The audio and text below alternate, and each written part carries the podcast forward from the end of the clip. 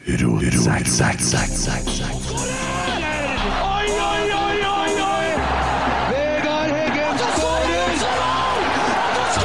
Og Rosenborg leder et nydelig angrep! Et nydelig angrep!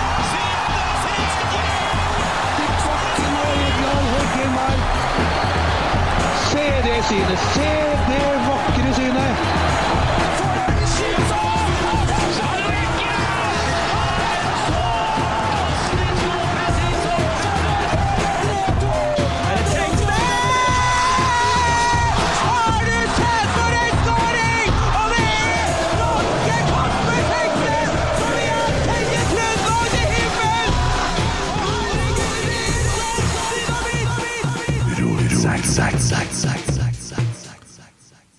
Sendinga har plassert reklame. Ja. Der, der nå var du tidlig ute. Ja. Det er Esedals pub og kjøkken og Pepsi Max vi kommer til å snakke litt om. Mest Esedals pub og kjøkken. Men Marius Helgå, hei. God dag, god dag. Velkommen til store studio i mediehuset Rotsekk AS. Ja, takk, takk. Eh, hvor du kom fra nå? Nå kom jeg fra Oslo. Jeg er på tur hjem til Rana på eh, juleferie. Ja, For du er fra Mo i Rana? Ja. Ja. Hvordan i alle dager eh, klarer du å være fra Mo i Rana og så bli Tromsø-supporter? Ja, det Jeg tror det bunner ut i en slags Bodø-antipati. Ja. Som Den sitter egentlig lenger inne enn det Tromsø Veldig godt. Ja. Det er godt. Godt. Ja, så du, du kjørte bare forbi Du fortsatte når du kom til Fauske, og så bare fortsatte nordover. Ja. Ja. Har du vært Tromsø-supporter lenge? Litt sånn utypisk. Jeg ble, eh, jeg ble egentlig fotballinteressert eh, ganske sent. Eh, Det var først når jeg gikk på ungdomsskolen, i slutten av ungdomsskolen og på videregående, at jeg begynte å følge med på fotball. og... eh, og da var det først og fremst eh, Stålkameratene som jeg følte i De var jo da i førstedivisjon de to siste sesongene. Det var to avdelinger midt på 90-tallet. Eh, Men eh, samtidig, jeg innså De rykka jo ned i 96, og eh, det var vel ca. da jeg òg begynte litt å følge med på eh, Eliteserien. Og, eh, og den kvelden jeg satt og tenkte at OK, jeg er Tromsø-supporter, det var den snøkampen i eh, 97 med, mot Chelsea. Oh, ja. Da satt jeg på kaserna på Porsangmoen og så kampen på TV-stua og tenkte at det her er rett for meg. Ja. ja jeg har holdt med Tromsø da, skal jeg innrømme. Eh, det gjorde jeg. Eh, men også er du veldig glad i breddefotball. Jeg er det. Hvor mange kamper har du vært på? Altså totalt eh, Jeg har jo ikke komplett oversikt over alle kampene jeg hadde sett før jeg flytta sørover i 2014. Men i den eh, appen Footballogy som jeg bruker til å registrere alle kampene jeg er på, så nærmer jeg meg nå 900 kamper totalt. Men det er jo inkludert Tromsø-kamper og, ja. og alt mulig annet eh, rart eh, av toppfotball som jeg òg Det hender jeg roter meg borti. Men eh, men eh, det aller meste er breddefotball. Så i år har jeg vært på 172 kamper totalt. I alle dager! Men Hva jobber du med? Jeg er fagforeningspamp, Ja. så jeg har heldigvis en ganske fleksibel arbeidstid og har mulighet til å ta med meg jobben eh, dit jeg er. og Ja. Så du, du kan kjøre til Ørsta og jobbe derifra, liksom? Ja, hvis det skulle være. Men uh, jeg hadde f.eks. en, en langhelg her i Trøndelag der jeg hadde hjemmekontor uh, hjemme hos søstera mi på Persjøen eh, Ja. en av dagene. Jeg forstår. Uh, og du har Jeg må jo spørre eh, Du har vært på Marienborg stadion i Valdresund, FK Fosen. Nei, jeg har ikke det. Men du har ikke det? Jeg har sett FK Fosen, men det var bortekamp. Å, da skal vi til Marienborg til sommeren. Uh, Det hadde vært helg herlig å fått seg en tur dit, ja. Ja, det, Da snakker vi Ja. Det er jo rart at dere er sjettedivisjon, for altså, stadion er jo eliteserie, vet du. Ja, ikke sant? Ja, ja, det... Nei, Jeg var liksom eh, en del som lurte på hva du jobba med, ettersom du får til dette her. da. Ja. Men eh, er du spellemann og ungkar, da? Det er jeg. Ja. Det er ingen som venter på meg hjemme, og det gjør det jo veldig Gjør det veldig enkelt. Ja, jeg skjønner. Eh, og så er du veldig glad i korps. Jeg driver med korps og symfoniorkester. Å ja. Ja. Symfoniorkester òg? Ja. ja. Ja, for korps det er en litt sånn utdøende greie. Nei, det er det ikke. Det går eh, egentlig mer litt i bølger. Og her i Trondheim har dere jo landets beste amatørkorps. Nidarholm. De oh, ja, ja. To ganger på rad nå regjerer norgesmester, så eh, det har dere virkelig noe å være stolt av. Ja. Jeg bør skyte inn her, når jeg hadde 30-årsdag, så fikk jeg jo eh, videosnutt av en uh, unge Helgå på sida her, der han Ja. spilte bursdagssangen på sin nydelige basstrombone. Ja.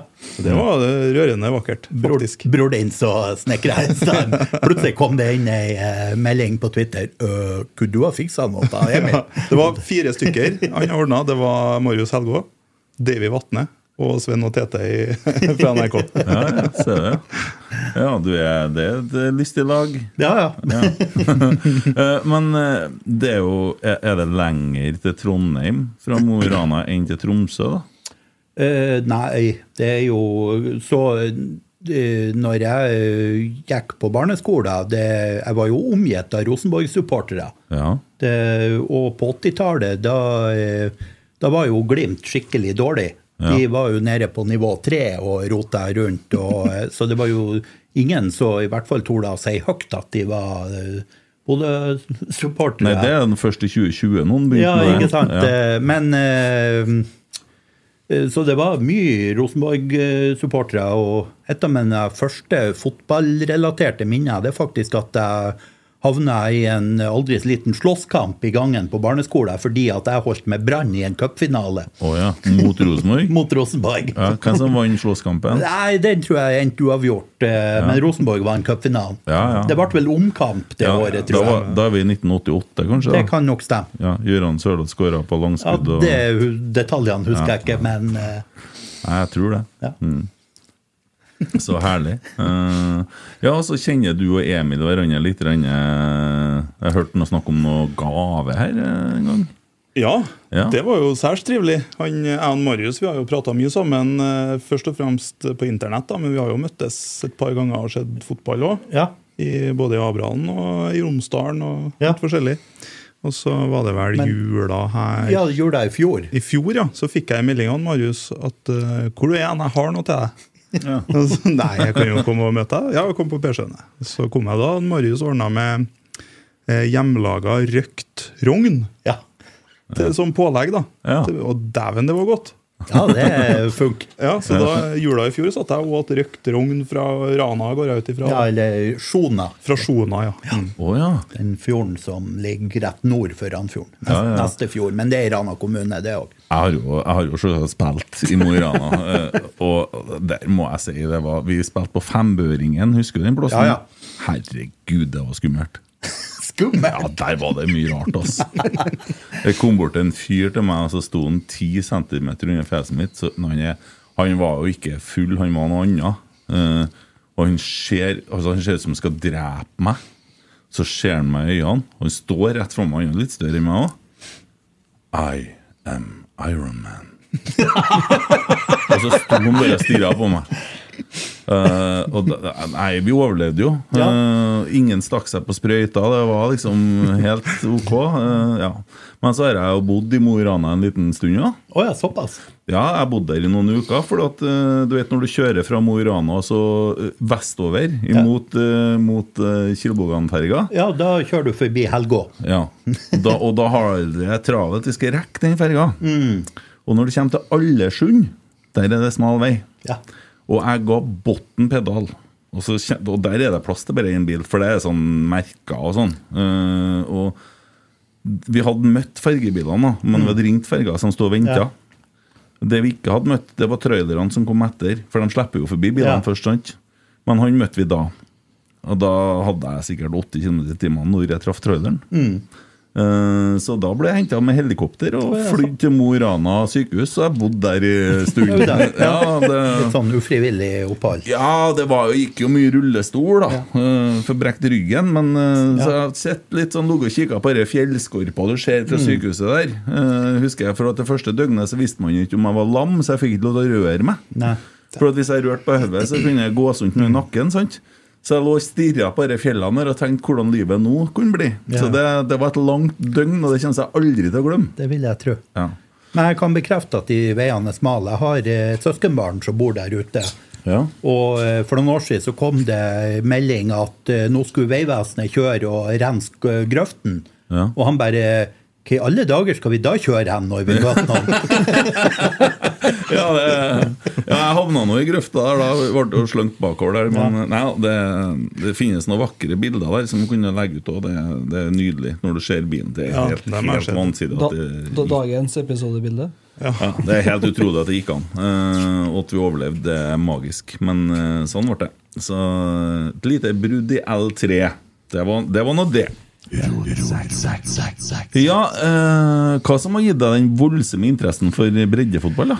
Nei, eh, som sagt, eh, Stålkameratene er mitt breddelag, og de havna jo solid i bredden etter hvert. eh, Og de tilbrakte tilbrakt mange sesonger i tredje og fjerde divisjon, så, så jeg har jo sett mye kamper med dem mens jeg ennå bodde i Mo i Rana. Og så i 2014 flytta jeg til Oslo, og da fikk jeg plutselig masse mer fritid, for eh, jeg flytta jo ifra hele nettverket mitt hjemme i Rana. og og hadde ledige helger og kvelder. Så jeg begynte å tenke at eh, ok, jeg kan dra litt på fotballkamp rundt omkring. Det er en fin måte å bli kjent i byen på å få sett meg rundt. og eh, Før jeg visste ordet av det, så var jeg blitt hekta, Ja. rett og slett. Og så oppdaga jeg at det fantes jo faktisk et miljø for det her, eh, først og fremst internasjonalt. eh, Eh, Men så etter hvert kom jeg jo òg i kontakt med folk her hjemme som driver med det. Og jeg fant den her appen Footballergy, og fikk Ja. Eller da het den Groundhopper.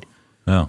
Men er dere, er dere flere som drar sammen på noen kamper? Det hender at vi eh, samsnakkes litt, og spesielt hvis det er en kamp eh, på en bane som sjelden brukes.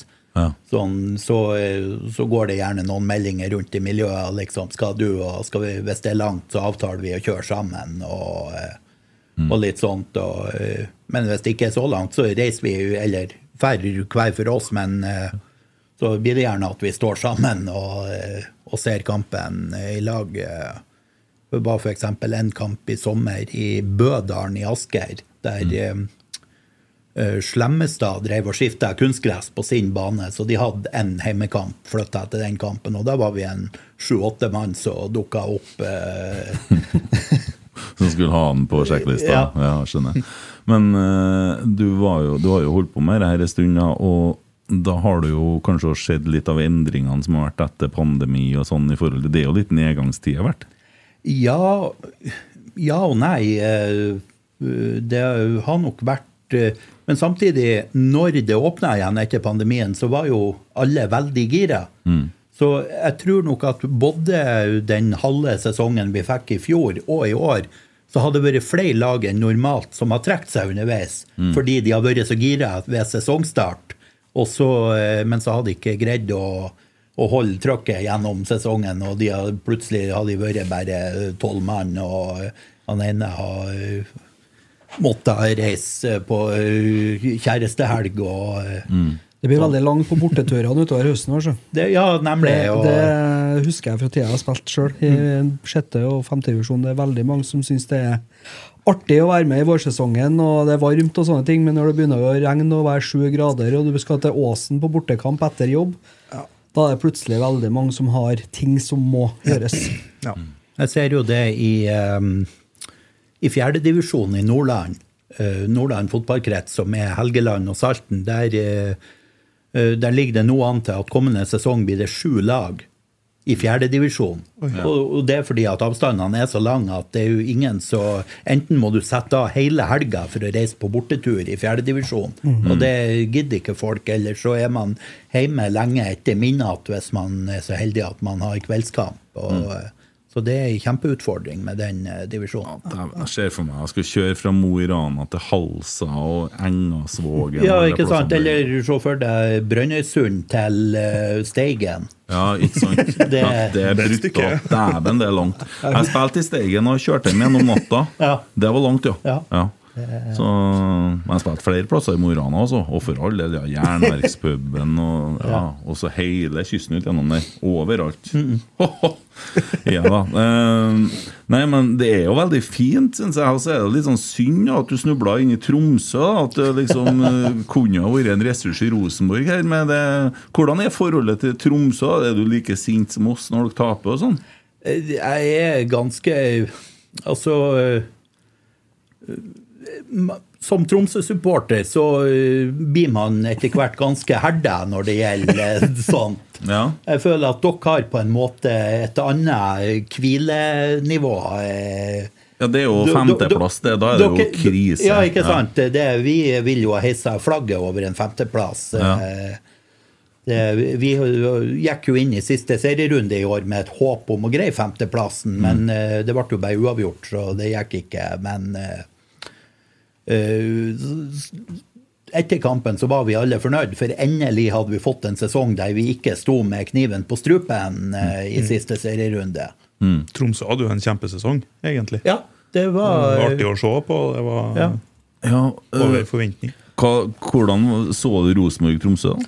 Nei, jeg gjorde ikke det. Jeg var, øh, jeg var på en breddekamp i Bærum Ja. sam, sammen med onkelen til han uh, Børkeeie. Han driver nemlig òg med groundhopping. Veldig ivrig. Ja, der kom det! Den var fin. Så onkelen til Tobias driver sånn som deg? Ja. Ja, akkurat. Men han så ikke, han så ikke neven sin, han heller. Nei da, og han sa det at uh, uh, de kampene han var på, de tapte alltid Rosenborg. For han hadde jo vært noen gang før, før å se på han, Tobias. Og når han var til stede, så tapte Rosenborg, så han uh, forventa at Rosenborg skulle vinne den kampen. Ja. Eh, ja, for nå snakker vi om den Ja, i Tromsø. Nå snakker jeg om den i Tromsø. Ja, Tromsø-Rosenborg. Ja, Rosenborg-Tromsø var jeg på. Ja. Det var jo en skittkamp. Nei, det var jo gull. Det var jo solid. Men faen, den dere, dere tapet i Tromsø, det var heslig, altså. Ja, han Mikkelsen her, når han eh, det omtrent forgrep seg på han eh, Ja, det der er jo er fullstendig bjelleklang på han Ja, eh, Reitan. var folk som gjør sånn ellers, sitter i fengsel, faktisk. ja, Han der igjen vil ikke ha i Rosenborg engang. Nei, jeg vil ikke. Hva tror du enden eh, Hva tror du ste neste steget til August Mikkelsen? er? Nei, jeg håper jo for guds skyld at han ikke havner i Bodø. Det Så er det dum kan han ikke være. Nei, det håper jeg virkelig Tror virkelig. ikke så ondt om gutten. eller Nei, jeg- jeg gjør ikke det. Nei, nei. Så eh, jeg håper jo at han eh, havner utenlands. Eh, Det Alternativt så håper jeg at For det er faktisk en mulighet at Nå ser det ut som han eh, Kitolano forsvinner. Han har jo bare et halvt år igjen. Ja, han skal til. Molde, Det ser ut som han skal til Molde. Det er uff, Ja, ja. De støvsuger litt oppi Ja, og så eh, er det jo mye rykter om at han eh, trønderen, han Kamanzi, Skal til Frankrike. skal til Frankrike. Og er vi heldige, så greier vi å melke nok penger ut av de her eh, franskmennene til at, eh, til at vi ikke trenger å selge han Mikkelsen nå. Mm. For det tror jeg han er åpen for, at eh, han må ikke forlate Tromsø nå. Nei. Han kan godt bli litt lenger, men, Yes. men greia er at Tromsø er i en økonomisk situasjon der de er avhengig av å få solgt Mm.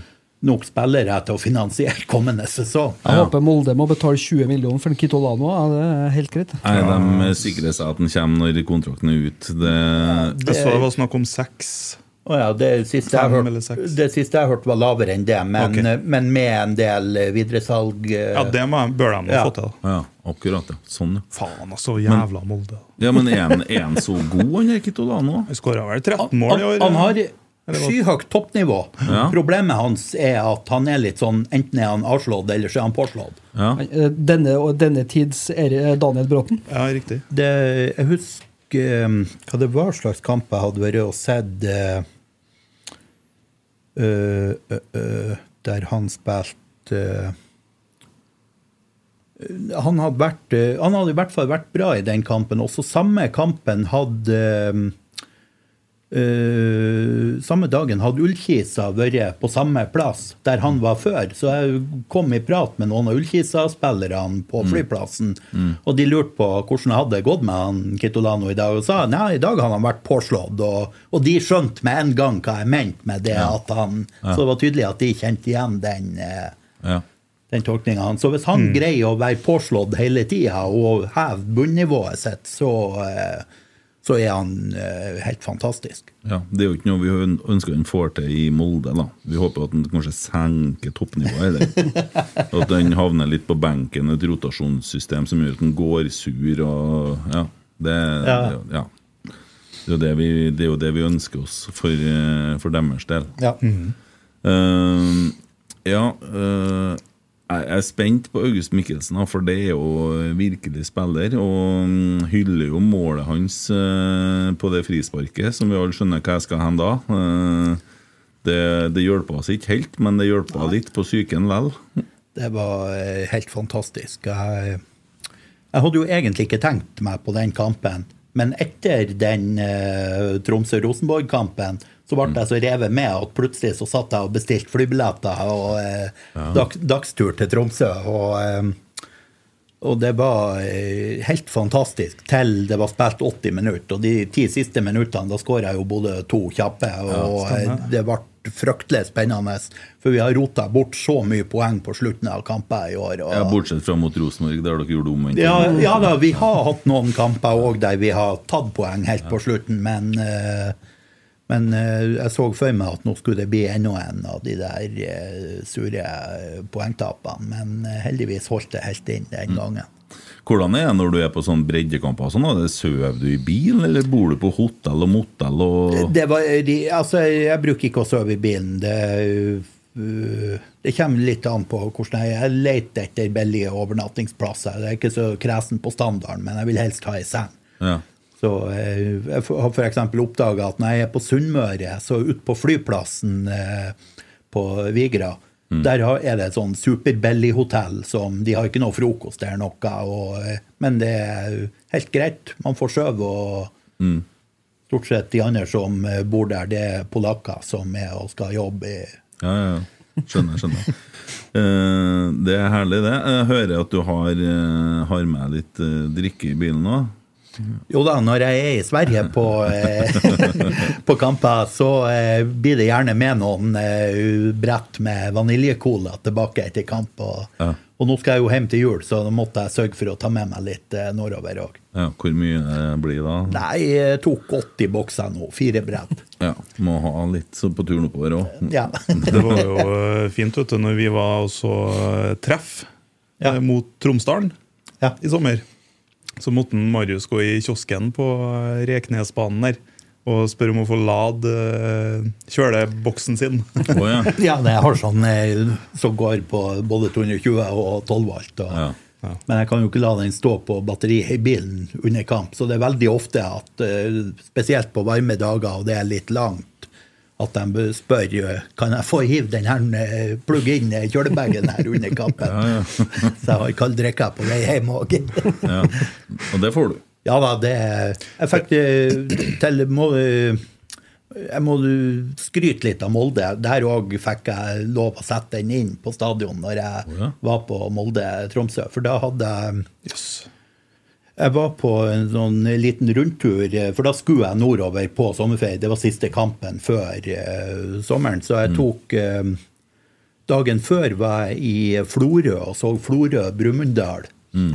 pinadø ti gærninger fra Brumunddal som hadde tatt turen med pyro og sanging og full pakke. eh, Og, eh, så det var kjempeartig. Og så kjørte jeg overnatta der i Ålesund, og så kjørte jeg til Molde dagen etter og eh, så han Fofana herja med Tromsø. Ja. Fy faen, han er god! Ja, fysj. Men han er ferdig nå. Ja, det Få, få det bort. ja, Bare synd at eh, Molde får så mye penger for ham. Ja, da hvem tror du de begynner å klø på det. Jeg er jo ikke noe spiss enn Mikkelsen, han er jo ikke det. Nei, Men, eh, det tror jeg ikke sånn Men det er artig, det er jo en eh, attraksjon å være på kamp med en Marius. For det blir jo, Jeg har aldri fått så mye oppmerksomhet, og det var ikke pga. meg. da, for å si Det sånn. Det blir jo annonsert over høyttaleranlegget, og det er folk som kommer bort og skal prate med en. og det er Han er jo kjendis. Ja, ja, ja. Pepsi Max. Maximum taste. Ja, det er sant. Kunne du si det siste? No sugar. That's a sugar. Sugar, ja. Sugar in the morning. Sugar in the morning. Der. Hei, papp, papp. Der var jeg tilbake. Får ikke det nå, du. Nei, Nei. stort sett ikke. Ja.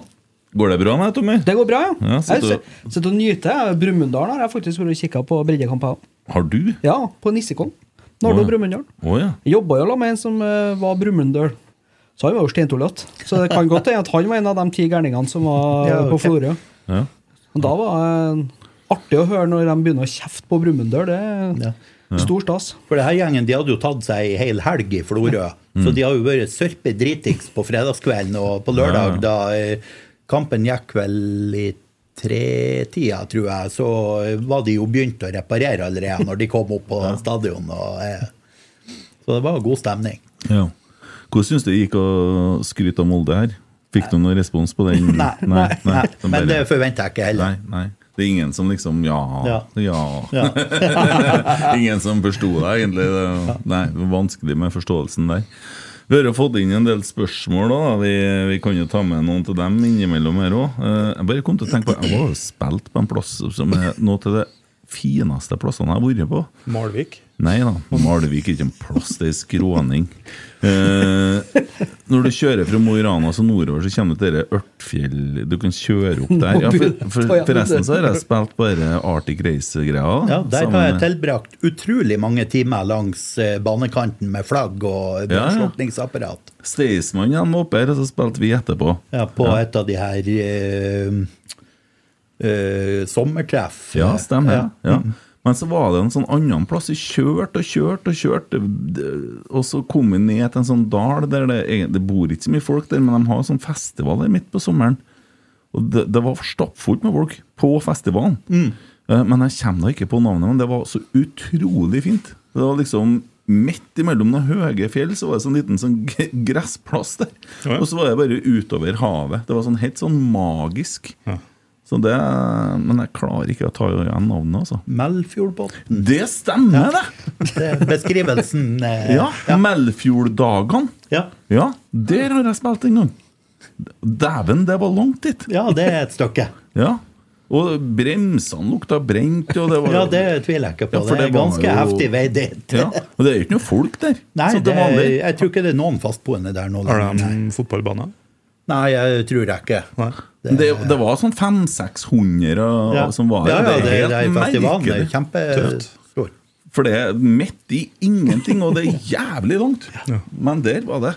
Nei, Det var helt utrolig vakkert, altså. Ja, Så Fint jeg bare kom på det. Ja. Ja, eh, vi har jo fått en del spørsmål, Marius. Du er jo en, du er jo en populær mann, ikke minst på Twitter. Jo da, det blir jo litt Ja. aktivitet der. Ja. Eh, vi kan jo starte på starten, men eh, Vegard Ottermo han lurer på om du kan fortelle litt eh, da du kom på første kampen til Helgådal IL på ærverdige Elneshøgda etter 16 år. Ja, eh, Kristi himmelfartslanghelga så eh, hadde jeg egentlig tenkt meg til Kristiansund og se Kristiansund-Tromsø på onsdagskvelden. Og så skulle jeg ha meg ei trøndersk langhelg etter det. Å ja, med karsk og trekkspill og Eh, men eh, så ble jo alle i Kristiansund fikk jo feber den eh, veka. Oh, ja, ja. Eh, Det var både fotballspillerne og alle andre, virka det som. Så kampen eh, ble utsatt, så da måtte jeg legge om planen litt. Så jeg endte med på onsdagskvelden. Da så jeg kamp på Støren. Eh, Og så for jeg inn til Trondheim og overnatta hos søstera mi på Pershaugne. Og så eh, og på torsdag, altså Kristi himmelfartsdag, så kjørte jeg opp til Helgodal i, eh, oppe i Verdalen. Og Det der, det. Ja. Eh, og eh, det var jo eh, For som han skrev i spørsmålet, det var jo første kampen på Er- Elneshøgda siden 2006, blir det vel, mm. det sist de hadde hatt lag. Så, eh, så det var jo masse folk som kom. eh, det ja, det, og det var pyro på innmarsj, og det var eh, et eh, vanvittig liv. Nydelig gressbane og fint vær var det òg. Litt sånn truende skyer i horisonten. Det, Men det holdt seg heldigvis gjennom kampen. Og, eh, Så, eh, og eh, da, den dagen så hadde de tatt turen dit han Tore Skjølberg, som han er lagleder for utleiere, og, og Marius Dahl. Mm. Så han Tore syntes jo det var helt fantastisk at han fikk tatt bilde av Helgå og Dahl i Da- Helgådal. Ja, ja, er. Er dere fra dere bildet av en Marius som tar straffespark? Nei, nei, det er Nei. gammel. Ah, det, er nok enda mer bredde. Men når jeg tenker meg om, så har jeg sunget inn en sang til den gjengen der. Helgådal. Ja. I år. Er det du som sang den der uh, 'Spille Pelner Sagda'? Uh, Ja, da- jeg fikk spørsmål om å komme og synge inn en sang, og så var jeg sammen med en uh, litt sånn kjent musiker på, fra Verdalen her som har studio. Veldig trivelig kar. Jeg kommer ikke på navnet heller nå, for å være helt ærlig. Eh, så jeg, dem, ja, kan du synge? For etter at jeg har sunget noe i studio, så syns de det var litt sånn bra, da. Laget fra Vømmølbygda som spiller Pelne Sagda. Var Jeg, jeg, jeg tror de har flere sanger. Så. Ja. For at jeg var han oppover, da. Så ja, hva skal du ha for det? Nei, jeg skal ikke ha noe for det. Det er artig det her. Og så sang jeg noe inn i det der, og så dro jeg hjem igjen. Så ikke jeg hørt noe mer. Kanskje ikke jeg ble så bra. Var det han Bård Bratli? Nei. Nei. For det, den sangen som ble spilt da, jeg ser den står Hanskemakergata Productions og Bård Bratli. Ja, det kan jo være. Det Ja. ja, det kan jo. Ja. Nei, det der må jeg finne ut. Kanskje jeg ble, kanskje jeg ble bare bælfælt, jeg gjorde, og så jeg bare kasta sangen. Kanskje de henta inn en ny en? Ja, kanskje det er noen andre. Det var det som var det nye. Ja, ja, ja, det Det kan er jo han være. Bård Bratli, det er han nye en. Ja, men det er- må ta deg betalt for jobben, for da, da blir det vanskeligere å kaste. Ja, ikke sant? Ja, det er det som er. Ja, det kom jeg bedre på nå. Ja. Nei da, men det var flott der oppe. Det eneste å si negativt, det var at det var så mye eh, kø at eh, det gikk jo nesten ikke an å få kjøpt vafler. Nei, akkurat. Nei, de, for, det er viktig. De skulle ha oppskalert eh, vaffelkapasiteten når det ble sånn folkefest der. Akkurat. Malcolm har spurt Viggos varmmat på Ekstra Hunndalen. Rating på kyllingvingene. Og hvor serveres den beste breddesnadderen? Jeg må innrømme, jeg har aldri kjøpt kyllingvinger der. Jeg har kjøpt uh, pytt i panne mange ganger. Den er jeg stor fan av. Senest nå sist fredag var jeg der og kjøpte uh, pytt i panne, for jeg skulle eh, Jeg avslutta eh, fotballsesongen med å se eh, treningskamp mellom Toten og Lillehammer i, i hallen på Raufoss. Holder du med noen av lagene, eller bare Nei. står du bare og tar inn? Da står jeg bare og tar inn, Ja. og så skriver jeg et lite referat på det, bloggen min, og, Ja, ja. Og legge ut litt bilder. Og, eh, ja. Svært, altså. Det er så herlig, altså. Ja, enn den eh, snadder, eh, breddesnadderen, da. ja, det er jo mye godt rundt omkring. Jeg, en av de aller beste vaflene jeg har fått servert, det var i Askim.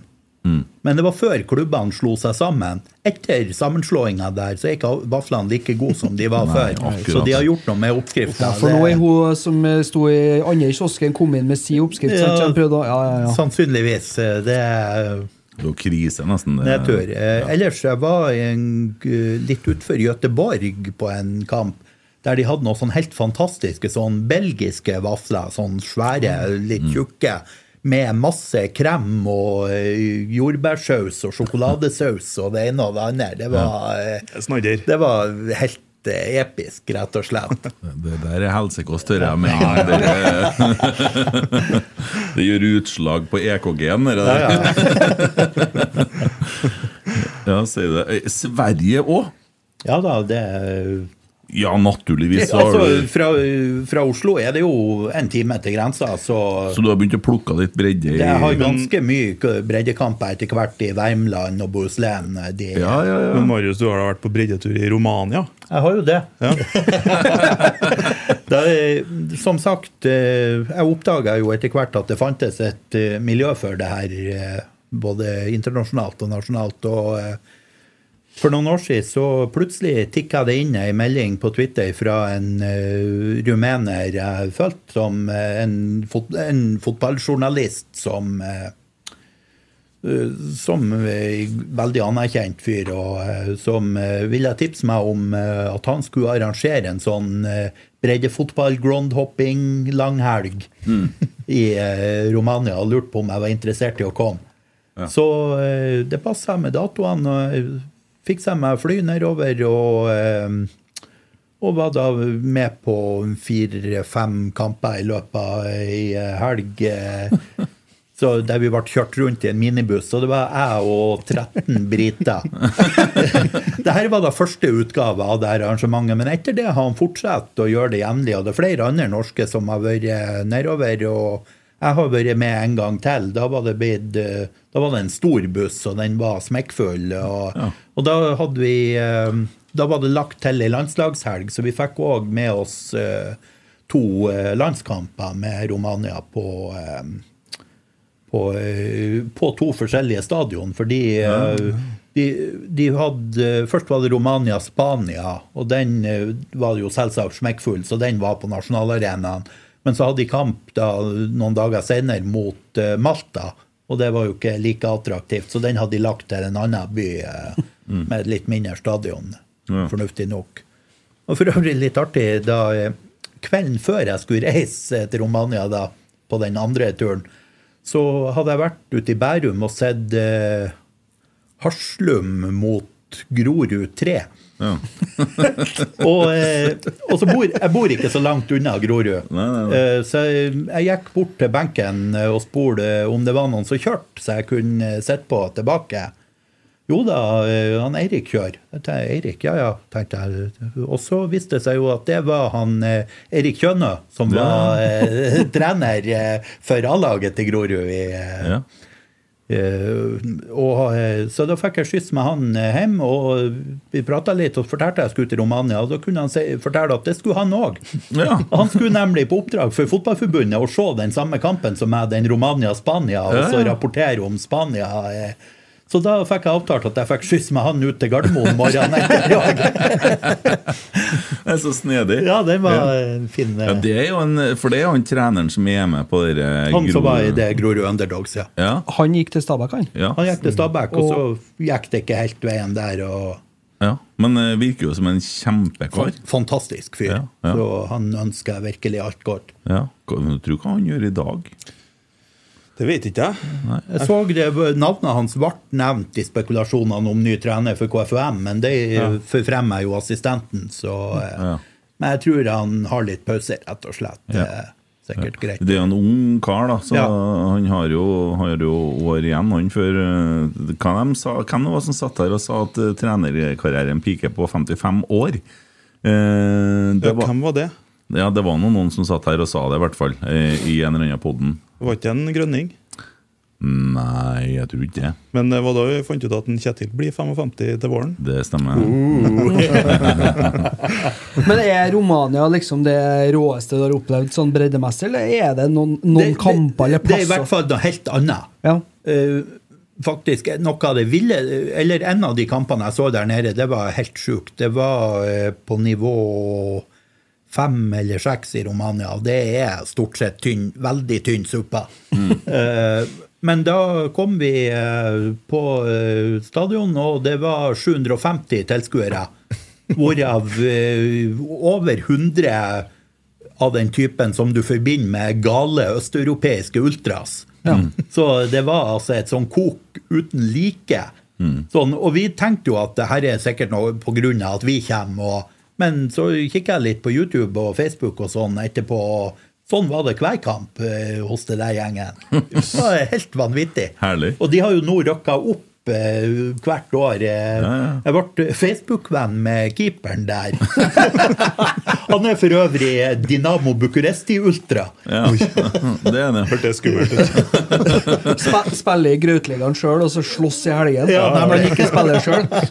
Men han, eh, han eh, er fantastisk fyr, og, eh, og følge med på de, hvordan det går med den klubben. Og, Ja, herlig. Eh, eh, I Romania, ikke der Transylvania er òg? Jo. Ja, ja. Det er sånn Dracula-greie. Jeg er jo veldig glad i Bram Stokers Dracula. Ja, så det, er, det, er Det er litt sånn når man reiser rundt i Romania, så eh, alle slottene så henger det skilt at det her er det slottet som Bram Stoker var inspirert av. Ja, ja, det var alle slottene, ja. Ja. Og så er jo verdens tyngste bygning i Romania. Å, ja. Det der gamle palasset Gamle til palasset Ceausescu. Ja. ja, akkurat. ja, For det var en populær kar. Han, eh, han tok jo et helt fjell og jevna med jorda for å lage eh, det huset. Han måtte jo ha marmor. og Ja, Så det var, et, det var et fjell som gikk med. Ja, sånn. Jo, men hva er et fjell? Nei, det kan du si. Er det Gråkallen eller er Galdhøpiggen, liksom? Ja, noe sånt. Hvor langt kan et lite fly? ja. ja, fly. Du, har, du flyr mye òg. Eh, Har du mange reisedøgn? Det blir jo litt, men altså eh, Veldig mye dagsturer ut fra Oslo. Ja. Sånn at jeg kjører en kveld eh, etter jobb, hopper i bilen, prøver å komme meg ut, utenom. Og eh, så er f.eks. tidlige kveldskamper, sånn seks avspark vest for Oslo, det er bare å glemme. Eh, åtte kamper vest for Oslo går, men eh, men eh, tidligere enn det, det da må jeg ferdig fra, da må jeg kjøre fra byen i tretida, sjøl om det er bare en times kjøring. Så jeg har sjanse å være framme tidsnok. Eh, så, eh, men jeg har jo nå Oslo mangler bare noen få enkeltbaner, sånn, og da er det sånn nummer to-baner på anlegg, der jeg også har den, den første banen. Også Og så eh, Østfold hadde jeg komplett i år. Akershus har jeg hatt komplett i flere år. Uh, Buskerud nærmer meg mm. stadig, men det, det er jo vest for Oslo, så det er av de som er litt verre å få tatt. Mm. Trøndelag, da? Nei, eh, Trøndelag eh, har jo prøvd å ta litt nå og litt da. I år har vært et veldig bra trønderår. Jeg har vært på 14 kamper i Trøndelag, hvis vi regner med eh, Rosenborg, eh, Rosenborg-Tromsø og eh, og, og fått masse nye baner rundt omkring. Var, første kampen jeg var i år, det var da, var jeg sammen med Emil i Abrahallen. Stemmer. Så på hans kjære Malvik. Yes. Det var Tiller to, ja. Ja. Det gikk ikke så bra, det mener jeg å erindre. Det kan vi gjort eh, Det det er en 2-2, ja. Men jeg syns fortsatt at det er veldig mørkt inni Abraham. Ja, det er kanskje det. Ja, Og så er det dårlig matte. Ja. Uh, ja, det er det. Men det er bra nok for Malvik. Ja. Men Vestfold, da? Nøtterøy? Der eh, Vestfold begynner å få veldig mye bra. Så Nøtterøy var jeg faktisk nå i høst og så Nøtterøy 2, var det vel, mot eh, et eller annet. Ja. Ja, og- Er på Teie, da? Ja, Eller? Der, teie har jeg òg vært. Ja. Nøtterøy spiller på Nesskogen, heter det Ja, vel. Den som er med den løpebanen der? Ja. Der driver jeg og trener litt på sommeren. Oh. Ja, ja, ja. Det Og så har jeg vært, de har jo òg Du må kjøre over Nøtterøy, men så kjører du ut på ei øy som ligger i Kjøm- Nei, eh, Husøy. Ja, Husøy. Ja, ja, ja. som ligger ja, i ja. eh, Tønsberg kommune. Ja. eh, Og der har de jo eh, nydelig bane som ligger ned mot et sånn lite sund. Så jeg eh, Ja, der var det virkelig flott. og Ja. Virkelig synd at det ikke var en gressbane der. Det hadde, det hadde virkelig det Hadde vært gressbane, så hadde jeg ikke nølt med å kåre den til en av landets absolutt fineste anlegg. Ja, ser det. Uh, har du kåra landets fineste anlegg? Uh, Nei, det har jeg ikke, men uh, jeg har jo skrevet meg bak øret noen som jeg tenker at er kandidater, i hvert fall. Og da tenker jeg på sånn breddenivå. Ja. Eh, Hva er det de heter? Skal vi se, bare ta opp Ja, ja, mer her. Vi, Eh, vi har jo fått et spørsmål om det, om Trøndelags beste bane her, da. Ja. Fra Mats. Jeg ser det er flere spørsmål som går igjen på akkurat det Ja. vi diskuterer Ja. her. Fra Eh, hele RBK. Så det, Men uh, en av de Hobøl IL uh, nedi uh, Nå er de i Indre Østfold kommune, de har hatt noen sammenslåinger og sånn. Eh, På tomter De har en helt fantastisk eh, anlegg. Eh, Det er sånn naturlig amfi rundt uh, på siden. Litt sånn som på Nissekollen, bare mye større. Eh, jeg tror ikke man ville hatt problemer med å fått uh, 3500 tilskuere der, som alle så kampen helt fint. ja, så Molde kunne ha spilt hjemmekamp. Ja, ikke sant? Mot topp europeisk motstand. Ja, vel å merke. Uh, ja, nei, eh, så den uh, syns jeg er veldig eh, fin. Ellers på den her uh, Kristi himmelfartslanghelga mi på lørdagen, da så eh, så først var jeg og så eh, Åfjord eh, mot Kiel Hemne 2 på kunstgresset der i Åfjord. Ja. Eh, Og så kjørte jeg videre til Bessaker og så Bjørgan. Der har du bane. Der har du bane. Nå var jeg skikkelig uheldig med været. Det var bare så vidt man så fjæra, eh, for det var så grått den dagen. Men eh, Hva som skjer når ballen går ut av banen? Ja, da? nemlig. Det, eh, Da er han borte. klarer, klareringer de havner om bord på Hurtigruta. Det er, altså det er ikke bare at det er hav der, men det går en sånn elv eller noe sånt greier langs Ja. med banen, så, så, og fær ballen på elva. Ja, Ha det bra. ja, ja. Ja, det er borte. Det Begge, hørte jeg i begge de ballene har jeg spilt på, faktisk. en eller annen podkast hørte jeg om dere. Ja, det var kanskje her, Det det. var kanskje her. Det var nok det. Terje Steen snakka om det. Mm. Nei da, så der eh, Den òg får plass veldig høyt på den lista. eh.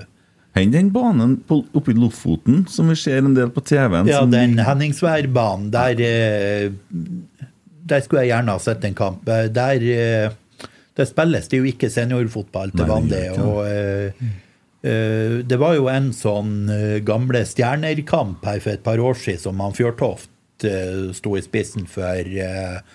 men da passa det ikke for meg å reise oppover. Ellers hadde jeg sannsynligvis gjort det. Mm. Så den skulle jeg gjerne ha, ha ja. fått kryssa av. Og der jeg, Stort sett så forholder jeg meg til seniorfotball. At det er det jeg skal Men jeg har jo 2020 gjorde jeg noen unntak, for da var det jo ikke voksenfotball å få sett eh, omtrent. eh, Så da så jeg litt gutte 19, og jeg tenker at hvis jeg er oppe i Lofoten en gang, og, og det spilles noe aldersbestemt eh, i de eldre årsklassene der, så tar jeg nok turen. Mm.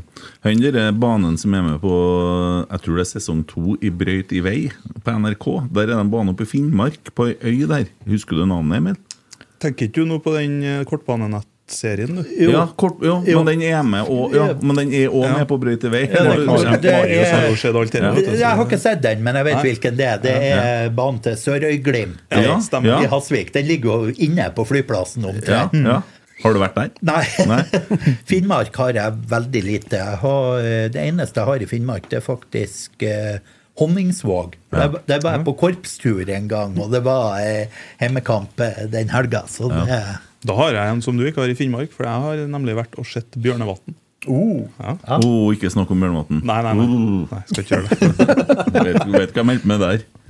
Det er bidrag, så vet du. Oh, ja. Ja, når de ringer fra Bjørnevatn, da ligger du etter på bidragene. Åh. Nei, vi har lært oss Jeg skjønner at du er livredd. Det blir eh, Ja, det er for, forskjellige utfordringer man har. Jeg var en gang eh, sånn eh, bandsjåfør for eh, en musikkfestival eh, litt utenfor Mo. Så jeg var oppe på flyplassen og henta artister og skulle kjøre dem ned til byen. og sånn, og da hadde jeg vært og henta en ganske kjent norsk rapper. Vi lar navnet holdes skjult. Og så fortalte han litt om Mo, og, ja, og så ligger Statens innkrevingssentral her. Og han bare Statens innkrevingssentral, kunne du ha kjørt meg dit? Jeg skulle ha eh, diskutert litt i jeg Fikk etter å ha slåss med politiet etter en konsert i Bodø. Å, han, ja! ja. Ja.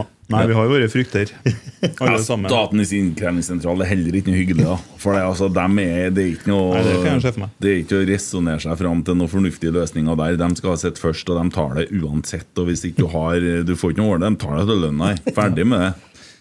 Så det er Ja, dæven, dere er gutta, ja. Det er ikke sånn i korpsverdenen. Du blir ikke liggende etter på samme måten som vi gitaristene. Nei, det ja, jeg vet om folk som har måttet slutte i korps, for de har hatt sånn tre-fire år med ubetalt kontingent. Og, Det må være trist. Pantsatt tubaene og det ja, det, Er dirigenten da som videre som overbringer beskjeden? nei, da er styret så Styr- oh, ja, det er styret sånt. og sånn, ja. Ja, det er jo foreninger, så Men Ja da, ja. Jeg, jeg, jeg mener nå fortsatt det jeg sa innledningsvis i forhold til korps. Så når jeg spilte i korpset i Valdresund, ja. Sandnes skolemusikkorps, så var vi liksom sånn 100 stykker som var med. Og nå er det kanskje fire igjen, på en måte. Det, det, det er jo litt sånn nedadgående interesse blant yngre folk. Ja, men det varierer litt. Også, men samtidig, hvor mange unger er det nå i Vallersund sammenlignet med når du var Ja, Det er faen ikke takket være meg at det er litt unge, i hvert. For jeg, jeg har nå gjort Du har gjort det! å- Ja, det. Jeg har nå laga mitt eget korps her. Er Hvor mange personer må det være før man kan kalle det et korps? Nei, eh, si det to tosifra bør det nok være. Ok, ja, ja, jeg har seks, da. Så det er jo Ja, skulle ha fått til et par sanger. Ja. Hvis jeg sa tromma opp og Vi får til et rotsekkorps med barn. ja, ja, det gjør vi. Ja. Ja. Kanskje vi skal gjøre det? Ja. Det har vært eh, knall. Jeg har en som kan slå slagverk, i hvert fall. Jeg har flere som kan gjøre det. Ja, for det skal være det enkle, det skal være det kule. Ja, ja. min skal slå slagverk. Ja, jeg vil, da... han slår nå i hvert fall slagverk når han er hjemme. Du vet, det krever mer å spille uh, Basstrombone. basstrombone. Det krever både lunger og Er det knapper på? Det er knapper på den. Eh, Ja, jeg har to sånn, men de er, litt, altså det er først og fremst eh, sliden som Ja. bestemmer tonehøyden. Men så de to jeg har, de er for å gi mer omfang nedover. Det blir som om på en gitar at du plutselig kunne skøyte på et stykke på en streng for å, for å komme på en dypere tone. Jeg skjønner. Eller det Brrr. Ja, nemlig. Og så den knappen for å ta ut spyttet. Den, er- den er nydelig. Den er viktig. Ja, Det er ikke noe som er som å se disse veitene i korpset. Der inne det, det seklet henger Nå åpner de ventene, og så bare så er det sånn strip som henger ned til gulvet. Sånn. Ja, det er sånn Det er sånn vanlig korpsting. Det er naturlig, det. Ja, ja. Det er mye sekkel i korps. Ja, det kan jeg se for meg. Det- Det er det. Korps og langrenn. Ja, det er, det er, ja. Jeg har eh, litt lyst til å gå over til et eh, tema Oi! som jeg syns er veldig bra. Å ja. Det blir ikke noe grisete, liksom? Nei, Nei, absolutt, absolutt nei. ikke. Kanskje det motsatte, faktisk. Oh ja. Eh, og vi har jo fått et spørsmål om det også, fra Malcolm. Eh, og han spør eh, grei ut om hashtag stadionhjerte. Ja.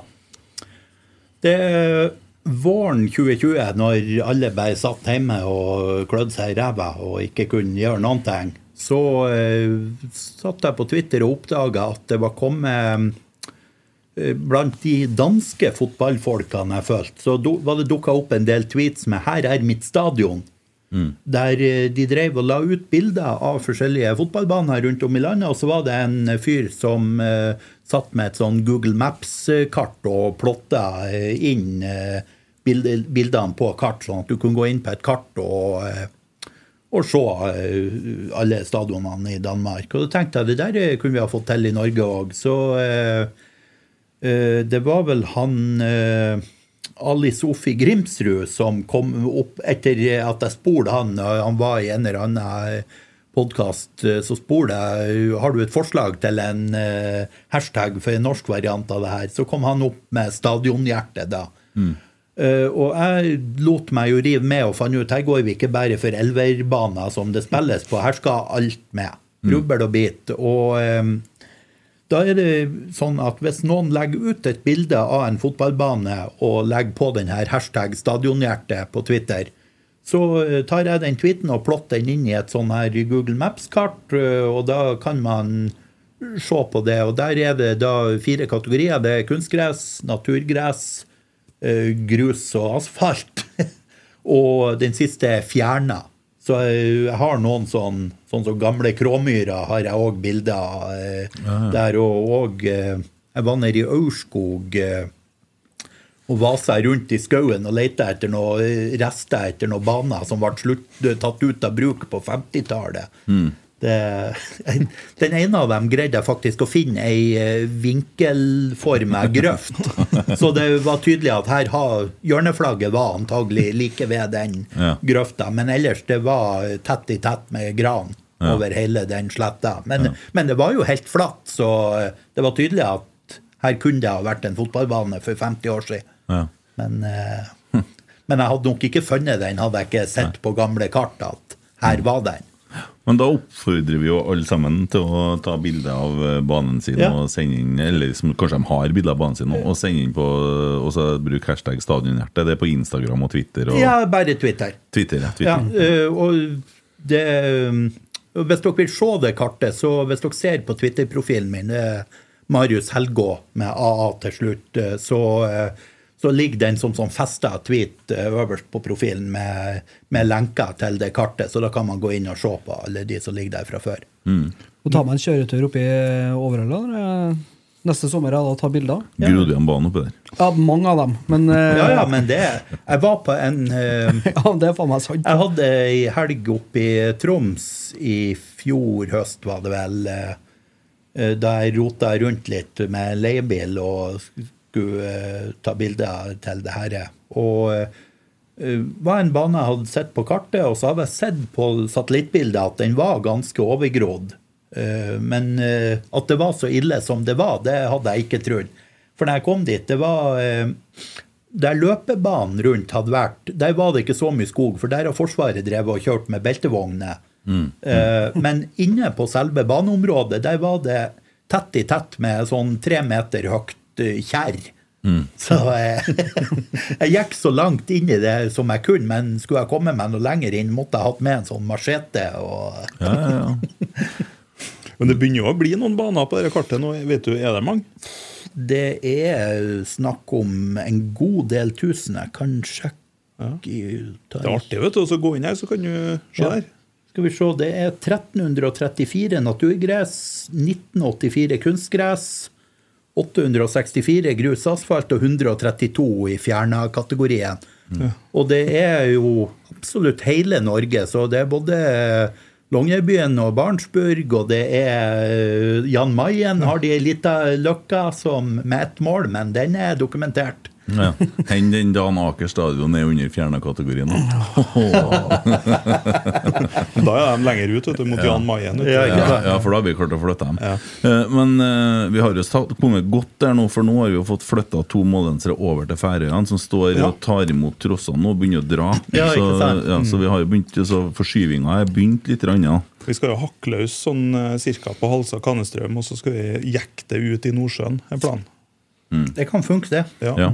Ja. Det er jo litt arbeid med det, men eh, det er heller ingen umulig oppgave hvis man har litt pågangsmot og har litt trua på det. Så Tro kan flytte fjell. er Ja. Ja, er ikke sant? Ja. Ja. Um, hva det var jeg skulle inn på nå? Som jo jeg la merke til du sa i stad at hadde det vært naturgress, så hadde den vært øverst på lista. Du er glad i naturgress? Jeg er glad i naturgress. eh, I hvert fall Jeg har jo forstå stor forståelse for at eh, man har kunstgress inne i byer eh, der, og, eh, og i Nord-Norge. Sånn, men at eh, klubber langt uti Gokk i Sør-Norge legger om til kunstgress, det burde ikke være nødvendig. Nei.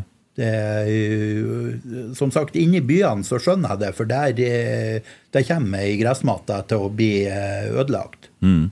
Og så er det en annen ting som er litt interessant der. For Hvis man følger Golfstrømmen og hvordan strømmene beveger seg, så er det faktisk sånn at hvis du ser på Rørvik i nord i Trøndelag, så er det jo, der er det jo nesten alltid grønt. Mens at inne i Grong, i Røyrvik, der er det snø. Så det er ikke bare nord-sør Nei da, det er jo- at, Og jeg tror faktisk at Bodø Er det mye snø i Bodø? Nei, jeg, tror, jeg har jo sett på noen sånne herdingskart, tror jeg det heter. I Bodø er det mye snø. Jo, Det er, Måtte ha vært så mye snø som jeg ønska. ja. var Men, har ikke gjort noe annet. Nei, men eh, det er klart det kunne ha gått eh, der òg. Men der er det jo De er jo eh, blitt berga av kommunen flere ganger med at kommunen har kjøpt stadion og så har solgt det tilbake til dem gratis. Ja, ikke sant. omtrent sånn. Men, så der er de litt i samme situasjon som Vålerenga. Ikke sant? De kan ikke, nei. Gru, nei, men gru, Nei, ikke sant. For, for grunnen til at eh, Grunnen til at Vålerenga har kunstgress, er jo at Oslo kommune har sagt ok, dere kan få bygge en egen bane, men da skal det være tilgjengelig for alle. Og eh, da eh, Da er man Det var liksom veldig på hendene. ja, det da var alternativet å fortsette å være på Ullevål, og det skjønner jeg jo at de ikke ville. Ja. eh, vi har et annet spørsmål her, eh, fra en Øyvind. Eh, og det, ja. Hvor viktig er det at sponsorer til podkaster i Norge har tariffavtaler? Nå har vi jo fagforeningsmann ja. med oss her. Da, Ja. Ja. Nei, tariffavtaler er jo eh, kjempeviktig, så det vil jeg jo på det sterkeste anbefale podkastsponsorer som ikke har det, å sørge for at de får på plass. Ja. Eh, Jeg er litt usikker på om det siktes til noen sponsor, eller eh, om det er For vi har jo da Pepsi Max. Jeg vet ikke hvordan det er med tariffavtalene i Pepsi Max. Jeg tror eh, Det er jo Ringnes som er Pepsi Ja. Max, så jeg tror de har det på stell. Så da Og da bekker vi over til, til Esedals på kjøkken. da Og jeg, så, for jeg tenkte kanskje så kunne jeg svare litt som Olav Sand. Nei, det lønner seg ikke. Eh, men men eh, Og så er det da altså Tenkte du på det, Emil Almås, at vi må sjekke ut om de har tariffavtale når at vi skal gjøre en sponsoravtale? Og hva gjør FK Fosen nå? Ja, eh, Svaret på det første er nei. Mm. Eh, når vi satt og signerte en serviett i halvfylla Ja. Der. Tenkte ikke på det. Men igjen så er jo, de er jo partner med Rosenborg. Mm. Og jeg regner med at Rosenborg stiller en del krav til sine partnere. At ting skal være på stell. Ja. Men jeg vil jo ikke henge ut den sponsoren, men heller henge ut FK Fosen, som Ja, vi sponser. Eh, som ikke sjekker om vi har tariffavtale her. Vi har jo faen ikke Vi har jo ikke nå. Dere, har jo veldig, dere er jo slaver. Dere Ja, vi er jo det, så, så det er jo Det er ja. Det blir litt som uh, kinesisk Litt som Qatar. Ja, ja. Vi, vi kan se litt på det sånn. Vi er litt som kinesiske unger. da. Vi tror ikke på julenissen, fordi at det er vi som lager lekene. Nei, eh, så det er klart at eh, det må vi jo bare være ærlige på at det er ikke noe vi tenkte på, nei. Eh, så vi tar jo selvsagt kritikk der, og så regner vi med at noen tar det til PFU. Og, Ja, vi legger oss flat, vi. Ja. Så, Det, spørsmålet du var som stilte, det var han lord Denim. Stemmer. Ja, ja. Han møtte jeg en gang på breddekamp på eh, Hitra. Og alle steder. Ja. om han er fra Ja, så han var der, og så var han Tore O. Sandvik der. Ja, ja, ja. Og uh, han har jo hytta uti der, så, uh, Ja. så han var på kamp. uh, Hitra mot Byåsen 2. ja. Nei, det er jo en eh, trivelig kar, dere der, så eh, Øyvind er trivelig. Ja. Nei da, vi fikk oss ei ørtev der, og vi ble liggende ned. Og, men det handler ikke om hvor mange ganger du klarer å slå, det handler om hvor mange ganger du klarer å reise deg. Så jeg tror vi bare må reise oss og gå videre. Jeg vet ikke hva annet jeg kan svare på det spørsmålet, for at uh, jeg er veldig fornøyd med Esedals på kjøkken. da. Ja, Det er jeg òg, for å si det sånn. Og spesielt i disse tider, da, der det går an å kjøpe gavekort i julegave, og Ja. opplevelser til eh, sine kjære. Mm. Og fantastisk god mat. eh, veldig trivelige lokaler. Og må si da om ansatte at de er veldig flinke. Ja, er- Jeg har ikke sett på maken til ølservering som var som når vi var her den kvelden. Nei. Nei, det var voldsomt. Og nesten sånn at den 20-årssaken røyk. eh, Ja, det var mye bra øl der. Veldig mye bra øl. Ja. Så takker vi Øyvind for at han fikk oss inn på sponsoren. Eh, beste breddeopplevelse i Trøndelag, har vi vært der? Har vi vært der? Jeg var nå oppe i Bessa... Nei, hvor det var han? Det var i Bessaker og diskuterte Ja, banen. altså Opplevelsesmessig så var nok den i Helgodal hakket kvassere. Så ellers, eh, hvis vi går ut av Trøndelag og ut av landet, årets villeste breddeopplevelse, den hadde jeg i Stockholm. Eh, jeg forvilla meg til Råsunda idrettspark, som er en sånn helt standard kunstgressbane som ligger like ved der gamle Råsunda eh, lå eh, VM-finalen i 58. og Men den er jo revet nå. Men der møttes da Råsunda FC og Råsunda idrettsselskap. Og de her Skal vi se Bare dobbeltsjekke at jeg ikke lyver for dere eh, her. Ja, men det går an. Nei, jeg må ikke, må ikke. Får jeg telefon? Jeg orker ikke Det, det ringer noen hvis vi Nå er lyver. det en som ringer, vet du, så Ja, det må være sant. rett. Sant? Ja. Så kommer det, og så da begynner de med det PFU. Jeg liker å kalle det FPU, for jeg syns Ja. det høres mer brutalt ut. ikke sant? Fressens paglige utvalg. Der var det, eh, det var råsunde FC. Ja. Det viste seg å være eh, en sånn klubb som besto av eh, AIK-supportere. Ganske hardcore AIK-supportere, Ja. eh, de som spiller der. Og de hadde jo da Det her var en fredagskveld. De hadde jo da med seg 150 mann med pyro og synging og flagg og full pakke Ja.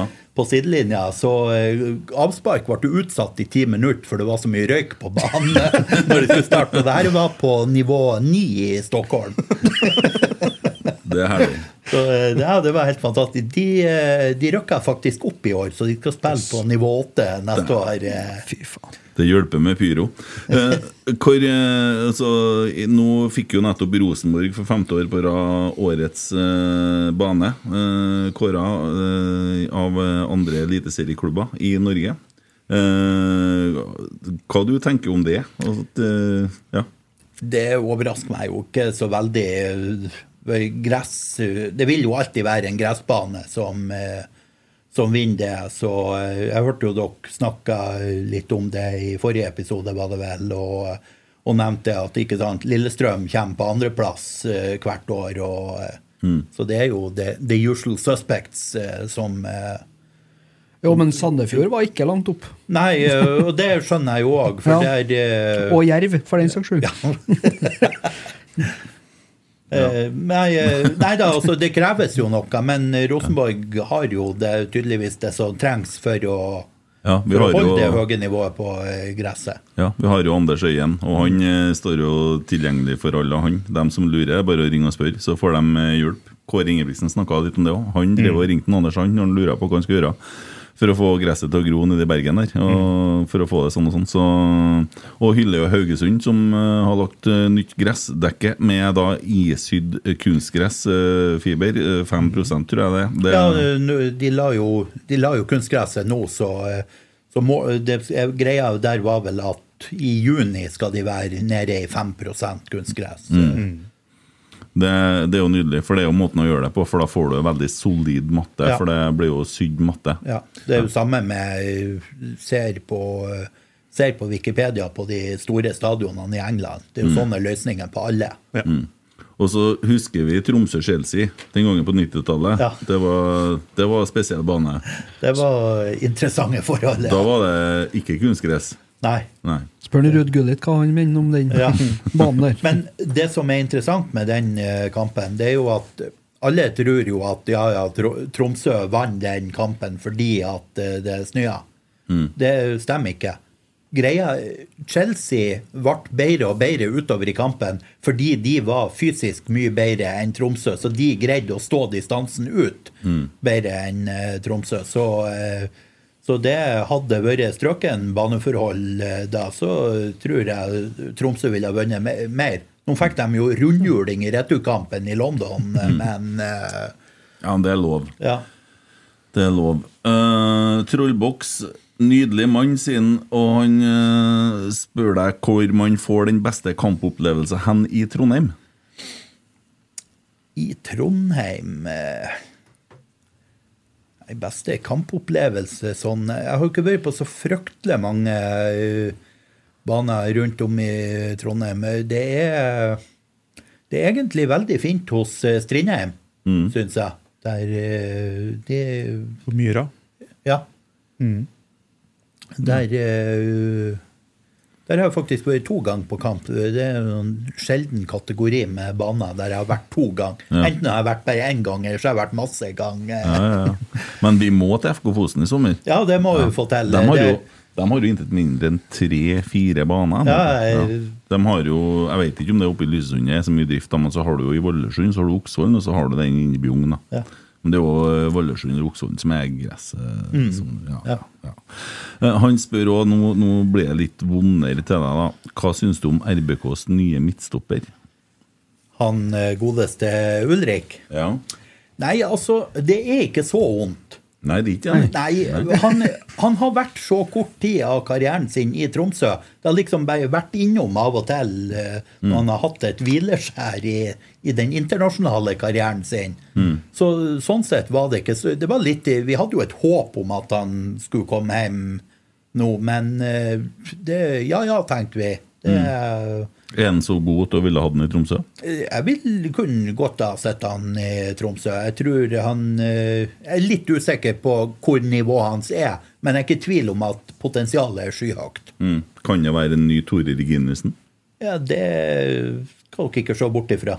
Nei. Dere må stelle fint med han, for da tror jeg dere har en mann i eh, Men eh, spørsmålet er jo blir han så god at han forsvinner ut igjen. Eh? Jeg tar gjerne en ny Tore, altså. Ja, For veldig gjerne. gjerne. Det, Både på og utafor banen og etter endt karriere og alt. Ja. Nei, det, det er i hvert fall viktig for oss å få den venstrebente eh, spilleren bak i Forsvaret. Ja. Også, Jeg kjenner jo ikke han noe særlig, men eh, broren han, eh, Ruben kjenner jeg jo litt. Og, og han er jo en fantastisk fyr. Så hvis han er halvparten så fantastisk som menneske, så er han Så har dere gjort et skup. ja. Det får vi tro at den er. Det finner vi vel ut. Uh, Tore Johansen Dahl uh, stiller litt som vi har spurt om før, men han spør når snudde fra å være en random fyr på en random kamp til å bli gjenkjent på kampene? Det var uh, 31. oktober 2015. Å ja. Du har det klart. Det skjedde den dagen. Ja, jeg, tror- jeg tror det var datoen, i hvert fall. Eller så var det 1. november. Det var i hvert fall ca. da. Ja. Eh, Da var jeg og så eh, Tromsø-Bodø-Glimt i et helsikes vær oppe Alfheim. Før, så før kampen skulle jeg inn på eh, indre bane og stå med et sånt storflagg og vifte på innmarsjen. Ja. Og da kom kulingen fra alle kanter. Så, og det her fanga jo eh, kameraene opp og zooma inn på meg der jeg sto og sloss med det der eh, flagget i eh, sørvestkulingen. I dongeribuks og fotballstrømper. Eh, nei, det var ikke fotball, det var ullstrømper. Ullstrømper, ja. Tjukke ullstrømper. For det var hustrig den dagen. Og, eh, og det, for det første, Petter Wæland kommenterte live mens det skjedde sånn, men så ble det fanga opp etterpå av han eh, Bernt Hulsker og tatt med i det her programmet de hadde på VGTV. Fotball? Ja. Han og Jamel Rakes og så Ja, dere klippet. Nemlig. Og, og de hadde han eh, Han Haugesund-treneren, han eh, Jostein Grindhaug? ja, som gjest. da. Ja. Og han, eh, for det første, han Hulsker tok jo helt av i kommenteringa av det der jeg drev med. Og han Grindhaug holdt på å flire seg i hjel. Det var like før han trilla ned av stolen. Ja, ja, ja. Og, så det var eh, gjennombruddet. Ja, ja, så bli, bli flaggblærer, for det kan faktisk lede til noe. Ja, så jeg kan bare, Uka etter så var jeg i Haugesund på kamp og så Haugesund-Tromsø. og... og da var det sånn tolvåringer som kom bort og spurte om å få ta selfie med meg. og etter kampen møtte jeg Jostein Grindhaug, og han holdt jo på å flire seg i hjel på nytt. Ja, ja, ja, herlig. Han er en bra mann. Men, men det flagget der, det, det ser tungt ut, altså. Det var helt eh, grusomt. Det var heldigvis, eh, i den retninga vinden kom ifra, så sto det en fyr med et litt mindre flagg. Så jeg fikk et sånn halvt sekund forvarsel når de sterkeste vindkulene kom. Så jeg virkelig fikk lagt kroppen bakpå. Ja, For dem som er nysgjerrig, så ligger det ute i spørsmålene. Troll i nord har delt videoen og spurt på en skala fra 1 til 10 hvor tungt var det flagget. Ja, det var i hvert fall en åtter eh, Ja. der og da. Og Ta med Roar Thorsen sitt òg. Har du vært på Rosenborg 2-kamp? Nei, det har jeg ikke. I sommer vurderte jeg faktisk det. Jeg hadde jo vært på eh, Rosenborg-Tromsø, og så eh, dagen etter kjørte jeg til Molde og så eh, Treff Tromsdalen i lag med Emil. Og så hadde jeg sett på muligheten da å dra tilbake til til Trondheim og så bli her noen dager for å da se Rosenborg 2 mot Rana på onsdagen. Eh, men det var ingen andre kamper mandag eller tirsdag. Nei. Eh, så verken på banen jeg hadde vært på eller ikke eh, vært på. Så, eh, så da ville jeg ha fått to døde dager da, og det gidder jeg ikke. Så Nei, dermed for, for jeg rett sørover Må si ifra når du skal på toerbanen, for da, da, da stiller vi, vet du. Så det, der, der står vi og ser kamp. Ja, ja. Ja, Eh, det, det er sånn. Jeg hadde en opptelling her om dagen, og av de her 172 kampene jeg har sett i år, så tror jeg det er ensifra antall jeg har sittet. Litt sånn. uh, ja, jeg tar nå bare med til, jeg, så skal ikke jeg stille så mange flere av dem. Uh, Øyvind spør om Lerkendal skulle hatt et ansiktsløft. Hva er det som mangler av fasiliteter, praktiske løsninger osv.? Jeg syns jo at bortefeltet på Lerkendal er helt krise. Det hvis, øh, hvis man er så mange at man bruker hele det doble feltet, det er man jo Som Tromsø-supportere er vi jo sjelden det. Men vi har jo allikevel noen gang blitt plassert i det ytterste feltet. Og da er man jo bak uh, mållinja. Det, det er så dårlig å se derifra at uh, det er helt krise. Og så I tillegg har man det med at det er balkong over. Og det er jo ikke uvanlig at det står folk der oppe og er ufyselig.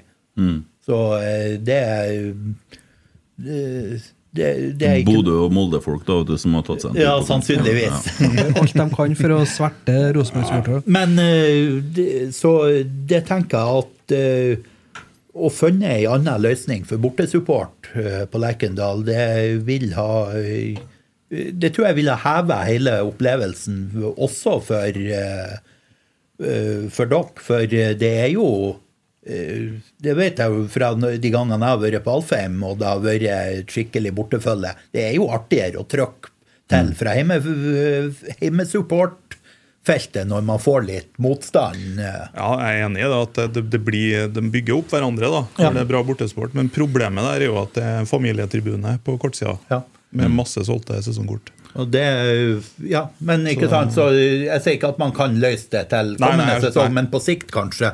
Apropos den familietribuna, der er en del unger der jeg har en høne å plukke med etter, eh, etter årets eh, besøk der. For eh, som jeg sa, det var en skitkamp, og det var på mer enn én måte. For eh, ungene der, etter pausen så kom jo som vanlig måsen. Og ungene der syntes det var fryktelig artig å hive popkorn til de. Oh, ja. Og en av de måsene valgte å drite meg ned underveis. Ja, ja. ja, men er ikke litt sånn, får ikke litt Tromsø-følelse når du får måser i Nei, det er Nei. ikke på fotballkamp. I Tromsø så har vi fisk i fjord, så det Ja, er ja, sånn, ja. ja. ja, ja, ja. Hva som er Norges beste bortesupportere? bortesupportere. Mm.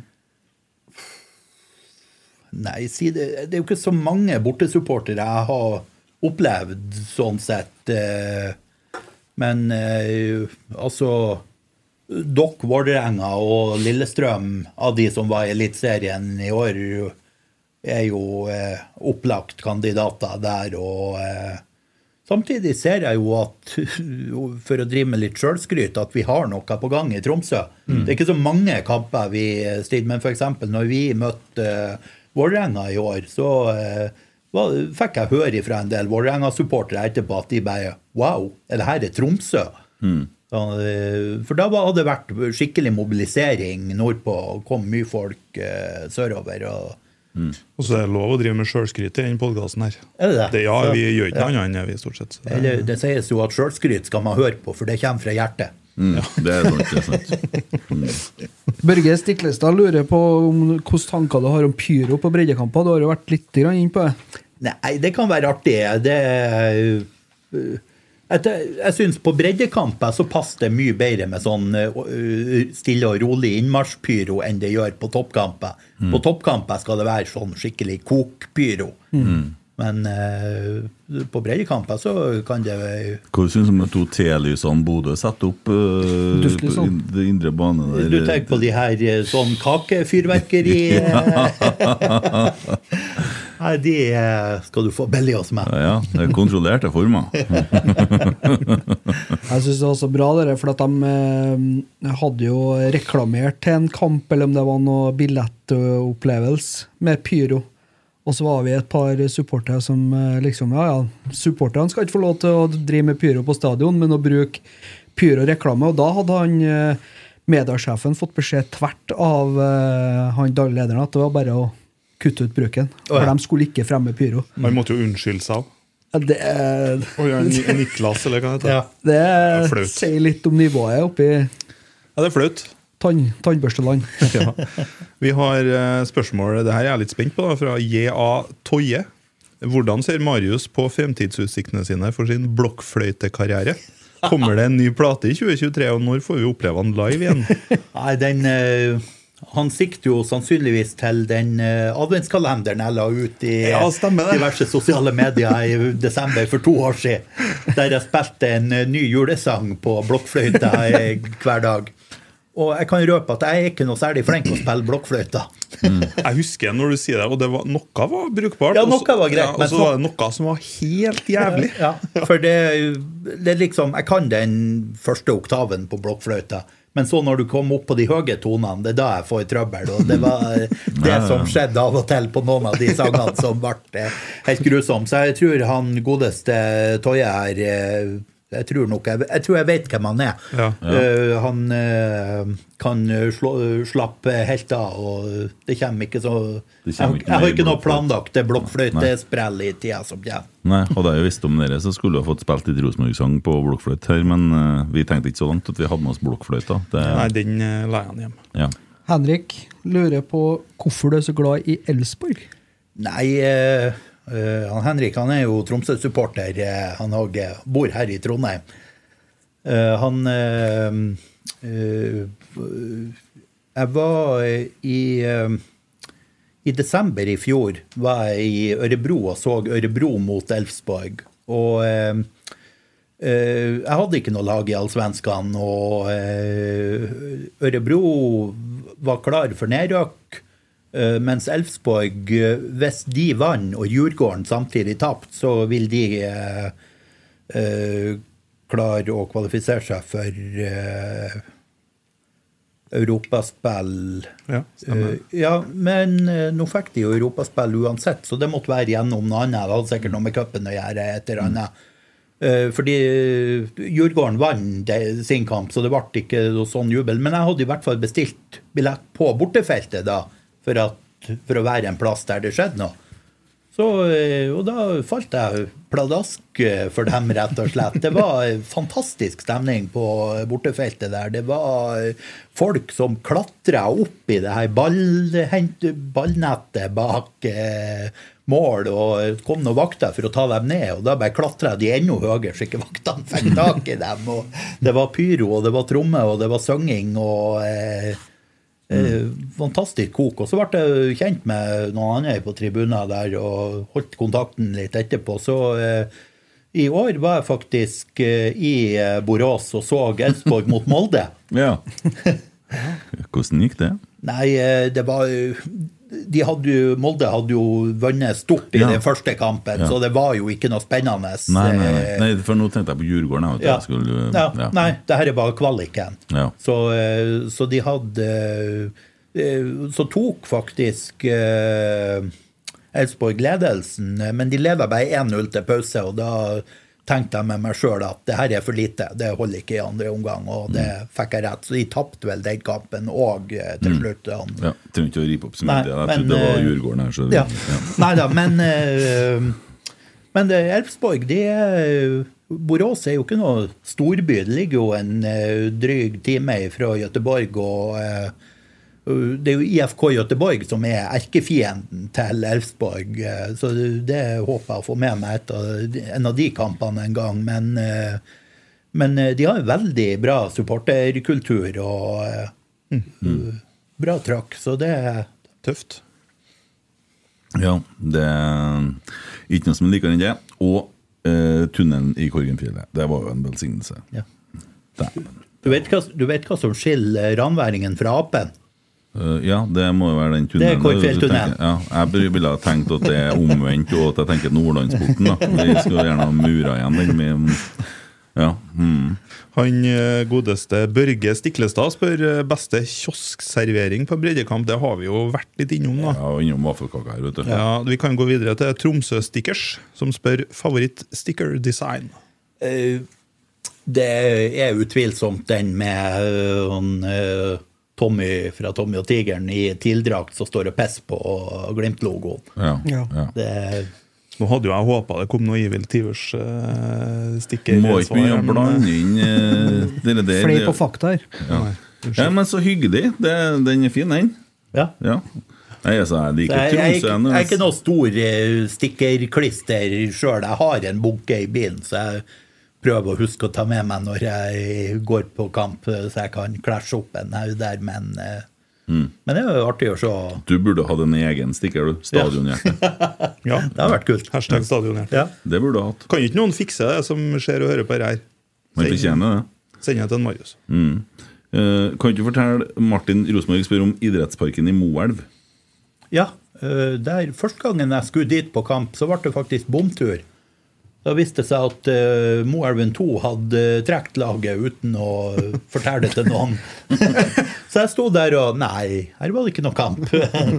Prøvde å sende litt meldinger og fikk og eh, når jeg hadde gitt opp og satt i bilen på vei tilbake til Oslo, da tikka det inn svar. Nei, beklager, vi har trukket laget, så Det er jo et stykke fra Oslo til Moelven. ja, altså. men det var ikke helt Jeg hadde vært på en annen kamp okay, tidligere ja. på dagen. Men det var liksom sånn Jeg hadde sittet i to timer og venta etter den første eh, kampen. Og, eh, så det var litt irriterende. Men ja. jeg kom meg da til slutt til Moelv eh, på kamp, og der er jo en flott, eh, flott bane. Da, eh, mens jeg, den kampen jeg var på, det begynner å bli noen år siden, så jeg husker ikke hvem det var, men jeg husker han eh, Thomas Lene Olsen dukka opp. Han er jo Han er jo fra Moelv, Ja. stemmer det? Så han eh, Han dukka opp eh, og så eh, Og så på moderklubben eh, hver kamp. Det var Jeg husker det var Det ene hjørnet var det så jævlig trangt. Oh, ja. Det var ikke plass for å hente noe særlig tilfart hvis du skulle slå corner i det hjørnet. Det er fascinerende, men sånn. Ja. Du har jo også sånn, har du vært eh, i Dødens dal i Trondheim? Jeg har, jeg har jo sett den mange Ja, ganger. bare- Den er jo så smal. eh, Ja, Det er jo bare to meter fra 16-meteren og ut Ja. til sidelinja. Oslo òg er det et par baner som er på det der nivået. Ja. Det er en ute på eh, hva det heter, Snarøya, og så er det en uh, uh, på Bygdøy som er sånn kjempesmal. Du har den reservestadion oppe i Namsskogan nå, som er 40% grus og 60% gress. Den er fin. Den går over i gressbane. Jeg var på en kunstgressbane nede i Østfold i vår. Det var en av de første kampene jeg så i år, en treningskamp. og eh, Da var det så mye is på banen at de hadde satt det ut som markører, og så smalna inn banen en og en halv meter på hver side. Eh, ja, hvordan bil kjører du når du drar og til sånn? Eh, Jeg har en, eh, nå har jeg en Subaru. Ja, akkurat. ja. jeg kjøpte fra foreldrene mine. Det- Forrige, bilen min var oppbrukt. Manuellgir og greier, da? Nei, automat. Automat, ja, ja dæven. Du skal ha holde i vaniljekolaen. Ja, ikke sant? Ja, ja, ja. Hva, hører du podkaster, eller hva, Det du, blir en del podkaster når jeg kjører rundt omkring. og... eh, hva, hva som er favorittpodden å høre på? Jeg hører mye på Pyro og Pivo og Kald kaffe. Mm. Det blir mest de som hender jeg hører Heia fotball hvis de har hatt interessante gjester. Så nå har jeg jo fanga opp dere òg, så det kan nok tenkes at Jo, jeg- jeg er til å høre- fisker, jeg Nei, men jeg blir, nok, jeg blir nok å høre på dere òg av og til nå, men det kommer òg til å være litt sånn at eh, hvis dere har gått på en kjempestygt tap, så kommer jeg til å høre for å høre hvor forbanna er de i kveld. Og, eh, Rakk du å høre glimt i øyet? nei. Nei, du Nei. Nei. nei. nei bare. Eh, Hvilket forhold har du til han eh, Per-Mathias Høgmo? Litt sånn ambivalent. Uh, han hadde jo sportslig suksess i Tromsø, men de økonomiske problemene klubben fortsatt har, de stammer jo fra den tida han var der. Det, ja. det var en pris med at de jo, eh, drev og tok andreplasser og som de rett og slett ikke hadde råd til. Og, det, nei, og, og det hadde de nå brukt eh, ti år etterpå på å prøve å komme seg på fote igjen. Mm.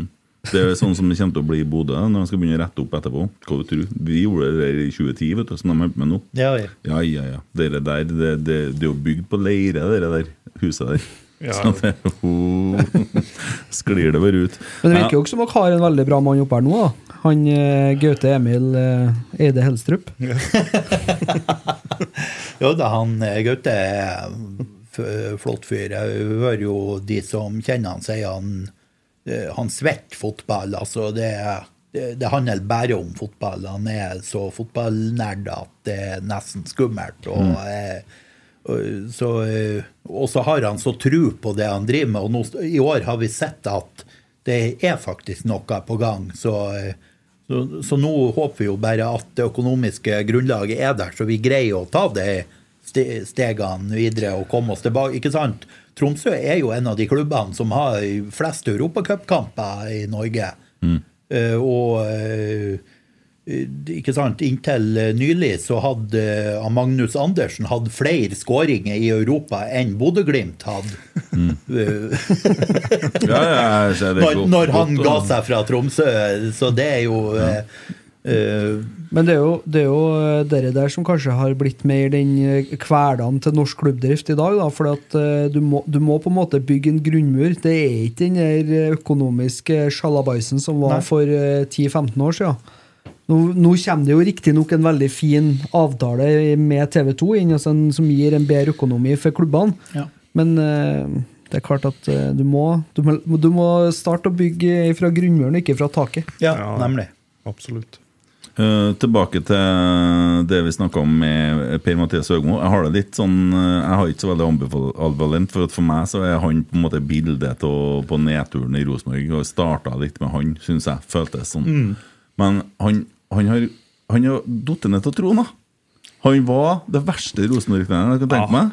Det er en som er verre, ja. Det har kommet en som er verre. ja. Han er fra Molde. Og det er Åge Hareide. Han står øverst og troner. Ødela Rosenborg. Ja, To ganger. Ja, han gjorde det. Skitsekk. Skulle aldri vært her. Nei, jævla Som en do Jofoss. dobbeltagent. Ja, nei, dere der eh, Så, så Per-Mathias, han eh, Men han gjør det jo bra i, i Sverige. Det er jo da. helt eh, utrolig det han har fått til i eh, hekken. De må være glad i å høre på diktlesing og Tydeligvis et Ja. eller annet og eh, Ja. Det er jo helt rart. Men altså, det er jo, det er jo en, ganske enormt, da. Hekken er ikke eh, rare klubben nord i Sverige, altså. Nei. Å ta det laget der til Ja. seriegull, det er ikke sant, Når han overtok dem, så var det som en sånn redningsaksjon fordi de var i ferd med å røkke ned. Og, og så berga de plassen, og så tar de gull. og ha, det, redder. det, Dere der har vi da sett litt i Norge noen ganger òg. Når det har vært sånne redningsaksjoner, og så får du et sånt slags samhold og så greier og greier. Lillestrøm var jo ned og duppa, sant? og så får du noe som skjer med klubben, for du mobiliserer og sånne ting. Dere der er jo litt det samme, så kommer det inn og så, og så liker de sikkert dikt, da. Ja. Og så har de jo ord og- eh, funnet ut av en Even Hovland. Ja, Han ble jo årets forsvarsspiller i Sverige. ja. Det svir jo litt, det. Hvem du, hvem du vil skal vinne? Rosenborg eller Molde eller Bodø-Glimt? Du må velge en av de tre. Rosenborg. Ja, se der. Det er bra. Det er en oppegående kar. Det, altså det, jeg skrev det vel på Twitter til og med at eh, den eh, 2020-sesongen, når de, de vant for første gang i Bodø Ja. eh, Jeg skrev det tidligere på året. Jeg tar heller 100 år med Rosenborg hvert år enn eh, et eneste med Bodø. Det er godt å høre. Fy faen, for en mann! Ja, du er en fin fyr, ass, Marius. Det her Vi, skal, vi må opprette en sånn samarbeidsavtale. Sånn, så kan man si sånn, ja, ja, men det er greit. Jeg syns det er greit at dere tjener noen kroner på han nå. Det går bra, det. Nå Håper er det blir jo- mange millioner. Tromsø har jo tatt over litt nå, for kanskje det Bodø-Glimt var på 90-tallet for oss. Ja. Nå er jo Tromsø den her sjarmerende lillebroren Så i kanskje vi kan få kjøpe han August Mikkelsen litt billig til sommeren. Kan dere få låne en eh, en eller annen en? Eller annen som vi ikke har hørt om. Mikkel sier det kan jo ikke få låne lenger. Hvis Ja, ikke sant? Dere må begynne å bruke den litt. Også. Kan jo hende at Rasmus Widersheim Poll er klar for utlån òg. Ja, han kan jo ikke få låne. Vebjørn Hoff og Hva syns du om Kjetil Rekdal, da? Jo, bare vær helt ærlig. Jeg må innrømme jeg er litt sånn skeptisk til han. Jeg er ikke Jeg ser jo jeg, Han hadde lyktes bedre i Rosenborg enn jeg hadde trodd på forhånd.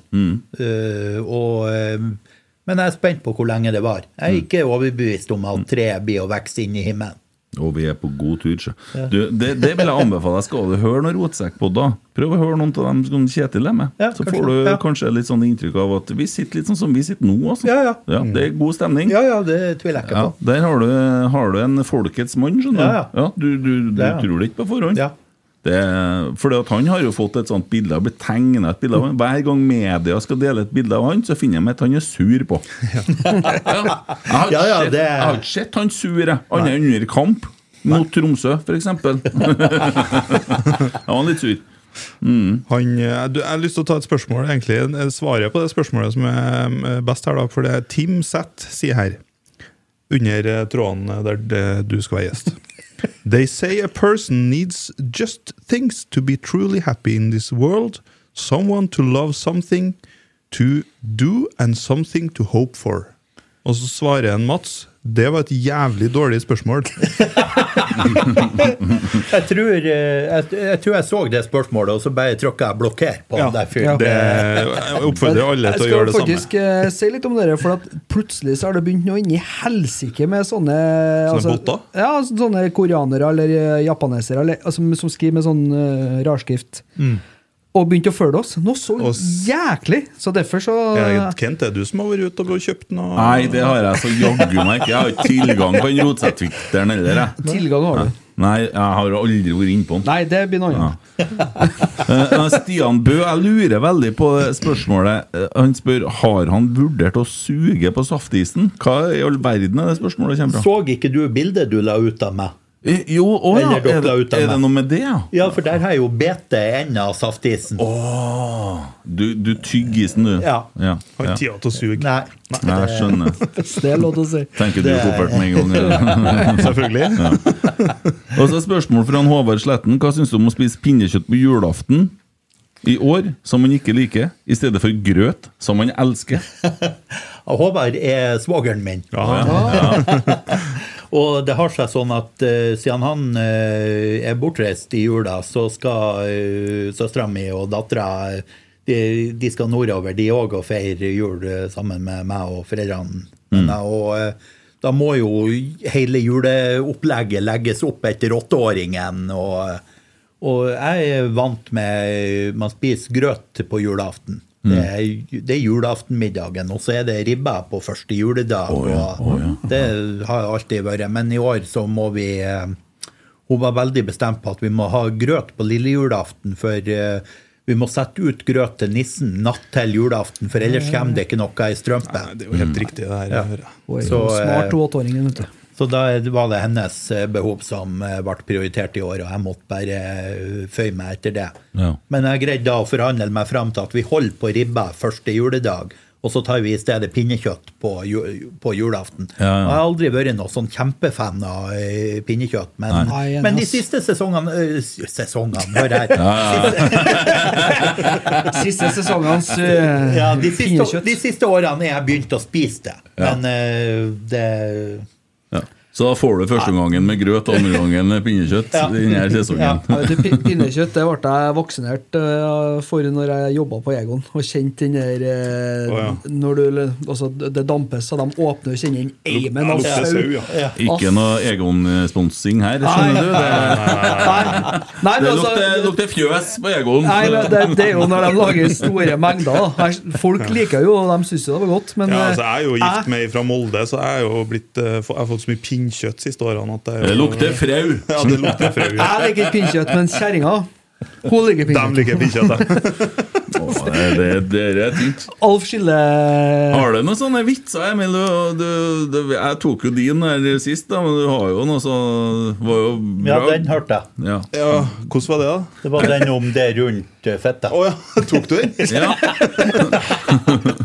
Det løse skinnet rundt fetta, hva heter det? Kjerring. Ja, det, unnskyld, svigermor. Ser du og hører på rotsekk? Nei, det håper ikke jeg. Nei, Men, eh, nekter jeg å tro. Nei, Nei, jeg har jo mye vitser, men jeg kommer ikke på noen sånn. Jeg hadde ikke Nei, det var jo når du begynte å kle deg naken der under middagen på lørdagen. Da hadde jo ja, det, var det, det var rett etter jeg kasta opp uh, over Ja, før du ble arrestert, da. Ja. ja. Ja, da ble var, stygg, vet du. det var derfor han ikke var med på søndag. Ja, Han ja, han, han, han satt jo på gamle arbeidsplassen sin Han ute på Brøset på sikkerhetsavdelinga. Så nå er jeg på perm, faktisk. Derfor vi måtte starte så sent i kveld. Ja, du slapp det- ikke ut før. Nei, jeg gjorde ikke det. Så hvis det her går bra, så får jeg eh, da, perm i- neste uke òg. Mm. Så kan jeg være med på neste episode. I see. Um, uh, du hørte om han uh, homoseksuelle som uh, mista jobben i spermbanken? da? Nei. Ikke? Nei. Nei? Han ble tatt for å drikke på jobben.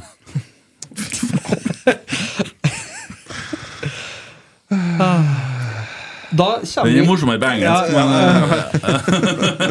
Det ble stilt, bare. Jeg skal, jeg skal romme henne. Jeg har noen topp tre-lister som jeg har lyst til å ha med. Ja, for, herregud. Ja. Og det her, det her tenker jeg blir fin, sjø. Uh, topp tre stygginger i Eliteserien. Sp spillere å tenke på? Ja. eller, Vi, ja. vi starter der, da. Vi Men må vi, vi, vi snakker ikke om utseendet her nå, sant? Nei, nei, nei. Det har vært ganske Ja, Dårlig Da, kan det hende at vi har fått en liten luring innom PFU. Ja, da har FPU kommet og oss. Det tror jeg dere må opprette en anonym podkast som Ja. ja. Sånn, vi drar på oss de hettene som henger på. Ja, men sånne spillere som er skikkelig Du bare ja, Sånn som Rudolf Aastin var for deg tilbake i 2000. Nei, det var den kampen. Nei, han var en heslig spiller, da. Ja. Han var en heslig spiller. Uh, nei, eh, hvem det skal være hesligste spillerne i Eliteserien i år? Du får ikke sine Rosenborg-spillere. Jo, du får det. Du får det. Nei, eh, jeg vet ikke. Jeg, jeg har aldri vært så kjempeoppdatert på andre lag sine spillere. De driter jeg i. De spiller på, de spiller på feil lag. Ja, ja. Vi har, jo, vi har jo en på Viking. Slatko. Slatko Tripic. Ja, men eh, gode venn eh, Arne Johnsen, annen er Tromsø-supporter, Ja. eh, sier man Slatko Tripic i nærheten av han, så kommer det røyk ut av ørene på han. ja, Ikke sant? Jeg tror nok eh, Ja, vi kan ta han inn på ei sånn liste. Jeg husker eh, for et par år siden jeg var så eh, Viking Tromsø. Mm. Og så skåra jeg en annen vikingspiller, jeg husker ikke hvem det var. Sprenger Slatko bort til han og kvisker han noe i øret. Og da sprenger han bort og jubler foran bortefeltet. Eh, ingen skal si at det ikke var det han fikk beskjed om fra han Slatko Tripic. ikke. Mm, ikke sant. Eh, ja, altså, Det er jo fristende med Saltnes, men jeg begynner å synes synd på han. Ja, han har jo Det forsvunnet var ikke noe igjen tåen, liksom. Det var jo ikke noe Da, sånn da irriterer Vetlesen meg mer, altså. Han Ja. driver og filmer og detter og albuer og lugger, og jeg, han er bare generelt heslig, hele fyren. Jeg er helt enig, men jeg har, jeg har nesten lyst til å bare utelate hele det laget her. Ja, ja, det kan, vi, det kan vi òg gjøre. For all del. Ja, Er ikke enig, Marius? Jo. ja, det, det er et godt innspill. Ja, og så kan vi heller eh, Vi har jo, det er jo noen ute i Romsdalen, da. Der er jo noen gryende styggelser. Ja, det eh, kommer, det han- kommer. en 18-åring der. Løvik. Løvik, ja. Mathias Løvik. Han. Han har jeg forresten snakka litt med på Twitter. Sjølsagt. Trivelig, søt gutt, men Da får du, eh, beskyldning, får du beskyldninger for å varme opp Molde-twitteren fra, fra en podkast sørant. Ja, nå, Han sitter ikke og hører på dette, eh, Tror du det? Det skal du ikke se bort ifra at han eh, Vet du hva, da kan du, hvis du, hvis du sitter og hører på det, Morten, så Ja, da må du fullføre. Det var bare det. Du, da! Hvis du hører på da det ryktes jo at det er en beef mellom uh, Harde mottak og Rotsekk her. Ja, det? Ja, det Ja. Eller uh, Morten mente egentlig at det var mellom eh, Pyro og Pivo. Og, Ok, Så det er egentlig Morten Galaasen og Det var- Rotsekk, da? Ja. Ja. Det, og det kan vi i Rotsekk bekrefte. Ja. Jeg vet ikke hva jeg holder på med nå. Nei, men, eh, det, nå heller. Ikke nå heller. Nei. da. Nei, jeg forstår. Nei, jeg er jo litt fristende til å ta med Erlendal Reitan, da, for jeg syns han er deilig heslig. Altså, han hiver ballen inn på banen, han er litt ekkel med spillerne. Han, han er en eh, ja. Vi har en som har tatt over plassen hans på høyre wingback òg. Det er en liten luring, det òg. Som Ja, det øh, Kornik, ja. Han ja. begynner å komme etter, han òg. Jeg tror eh, han kan hvis han vil. Ja. Det tror jeg ikke det er potensialet. Jeg, jeg følte jo jeg, jeg, Som sagt, jeg bor ikke så langt unna Grorud, så jeg har jo sett ganske mye kamper med Grorud. Og, Ja. Så jeg ser ikke bort fra at han kan hvis han vil. Så, da, da har du sett Leo i, ja, i an, annen drakt. Eh, skjønner du at Rosenborg kjøper Leo Kornik? ja. Ja. Jeg ble egentlig overraska over at ingen norske klubber henta han direkte fra Grorud, at han havna i Sverige Mm. først. Jeg vet det var snakk om at folk sa at vi burde hente den den gangen. Ja. Så eh, nei, det, han, eh, de hadde fantastiske spillere den, eh, den første sesongen i Obos Grorud, med han og så han eh, Oskar Aga, som jo havna i Elfsborg, eh, han eh, Safaris, som er i Ja, han er jo på vei bort fra Haugesund igjen, nå ryktes det da at han skal Her har Nei, han gikk jo videre, han kanskje. Hvit Tornado har laga stickersen allerede. han. Her har du en med type gress på, der det står Twitter-navnet ditt og stadionhjertet oppå. Her har du en som er med grønn Ja. flate. Det ligger sikkert på den Ja, den ligger under den her ja, tweeten. Da der finner jeg den. eh, Ja. Da er det bare å gå inn til de her eh, ukrainerne, eller hva de heter, som alle Hvit. Tornado, kjempekonto å følge. Eh, God humor og mye bra content. Eh, Vi kan shoute at eh, Hvit Tornado. Absolutt. Det er en fin konto. Ja. Så det, eh, ja, vi holder på med grislesta, ja. Ja. Hvem eh, Jeg har ikke så det, det vi Har de ingen i Vålerenga? Ja, det, De jo- Lajoni har de, Ja, ja. Lajoni, ja. ja. Og så han eh, Oskar.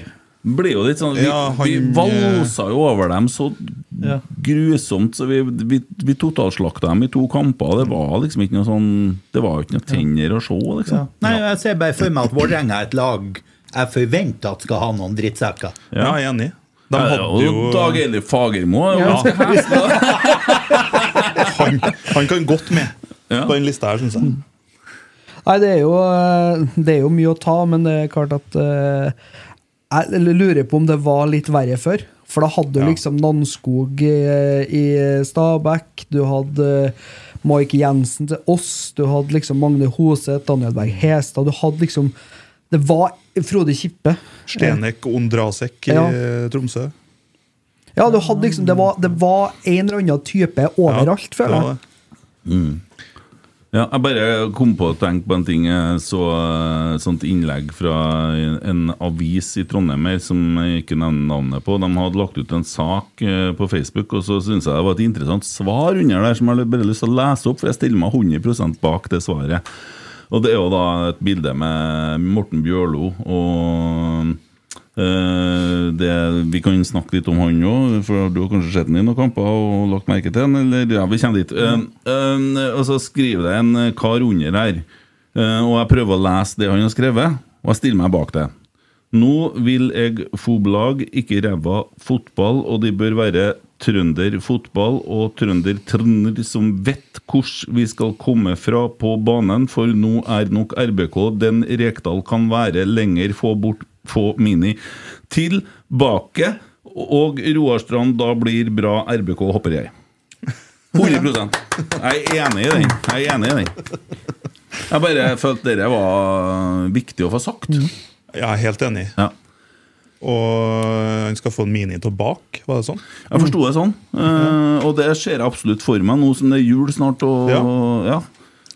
Og kanskje kjøpe den julekrybba til Tore Strømøy. Sitt, har den bare en 2500 der. eh. Og så er det jo interessant at han skal ha en Roar inn i trenerteamet. ja, det er jo blir spennende All den tid han allerede er der. Ja. Ja, men det blir spennende. Jeg ser for meg at Roar kunne ha gjort det bra. Han kunne ha sikkert Ja, hatt gjort en fin jobb i trenerteamet til Det tror jeg på. Uh, ja uh, Men uh, når du bringer Tore Strømøy på banen her, Ja. kan jeg stille dere et spørsmål? Ja. Hvis han hadde fått realisert planen sin om å selge Lerkendal for å bygge nytt stadion en annen plass i byen, Mm. hvor ville dere hatt det? Herregud. Nei, vi måtte jo gjort som Wimbledon, for det gikk jo kjempebra. Det, så Hvis vi hadde flytta det 10-12 mil utom Trondheim, så tror jeg det få skifta Overhalla, kanskje? Ja. Nei Dæven, det var surt! Endelig flytta til Trondheim og få Jo, jo, jo, men husk på parkeringsproblemene her, da. Ja, ja. Ja. Det er ikke noe problem i Overhalla, i hvert Ja, fall. hvor vi skulle ha flytta det, det er et jævlig godt spørsmål, altså. På, Eh, til Festningsparken på jeg, Rosenborg. jeg, tror Jeg tror jeg Riv festningen, kanskje? Nei, men du har jo plass der de, der de har det festivalen.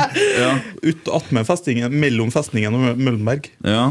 Enn om hun har sprengt Nidarosdomen også, bare Ja, Det, det er jo midt i sentrum. Det Skal kunne det være en hellig plass, så skal det være en hellig plass, tenker jeg. Gjøre det ordentlig. Du kan jo demme opp Nidelva og legge den i. Ja, ja. Den domen har nå stått der i så mange år likevel nå. Legg Da får du, får du på samme gjenvinn litt kraft her òg, så har du strøm til stadion. Ja, ja, ja. Jeg sier som en Karl Ove Bjørnstad, det er bare rammer dere. Bare riv.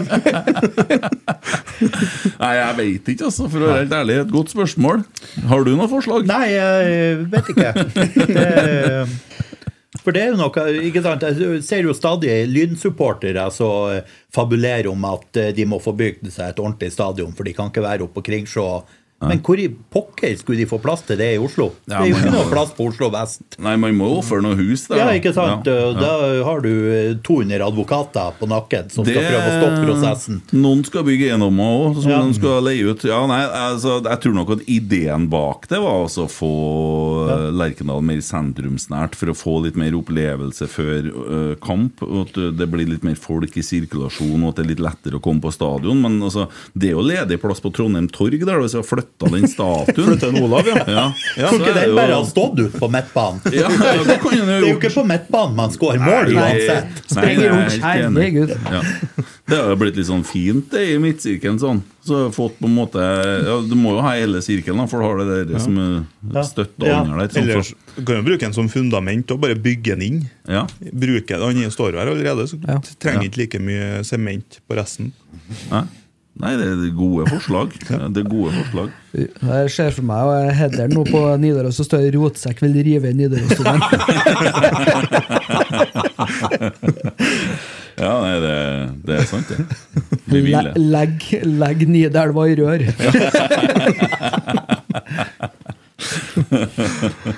Ja, det blir bra. Festningen er utgått. Men eh, Bjørlo, da?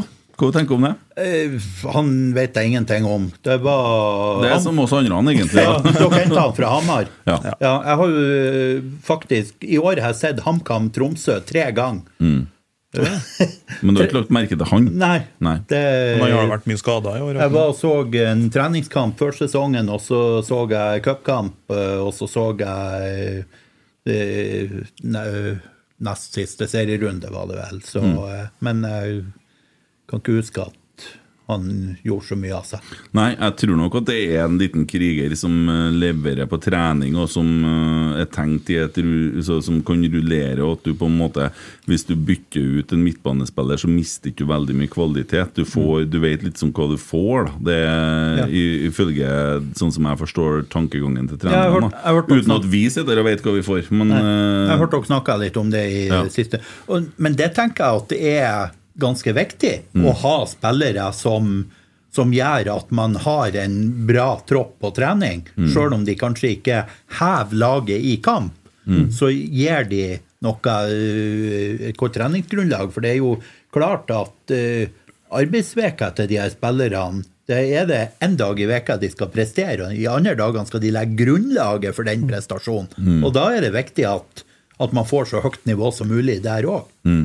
Ja, det er jo med å heve nivået på andre òg. Og så, så har du en del ung, det er veldig ungt lag. Og det, det her har du en som er litt eldre, da, som blir kanskje De kjenner jo psyken til en, kanskje en sterkere i hodet, kanskje står han For det, det, det kan være, være noe der òg.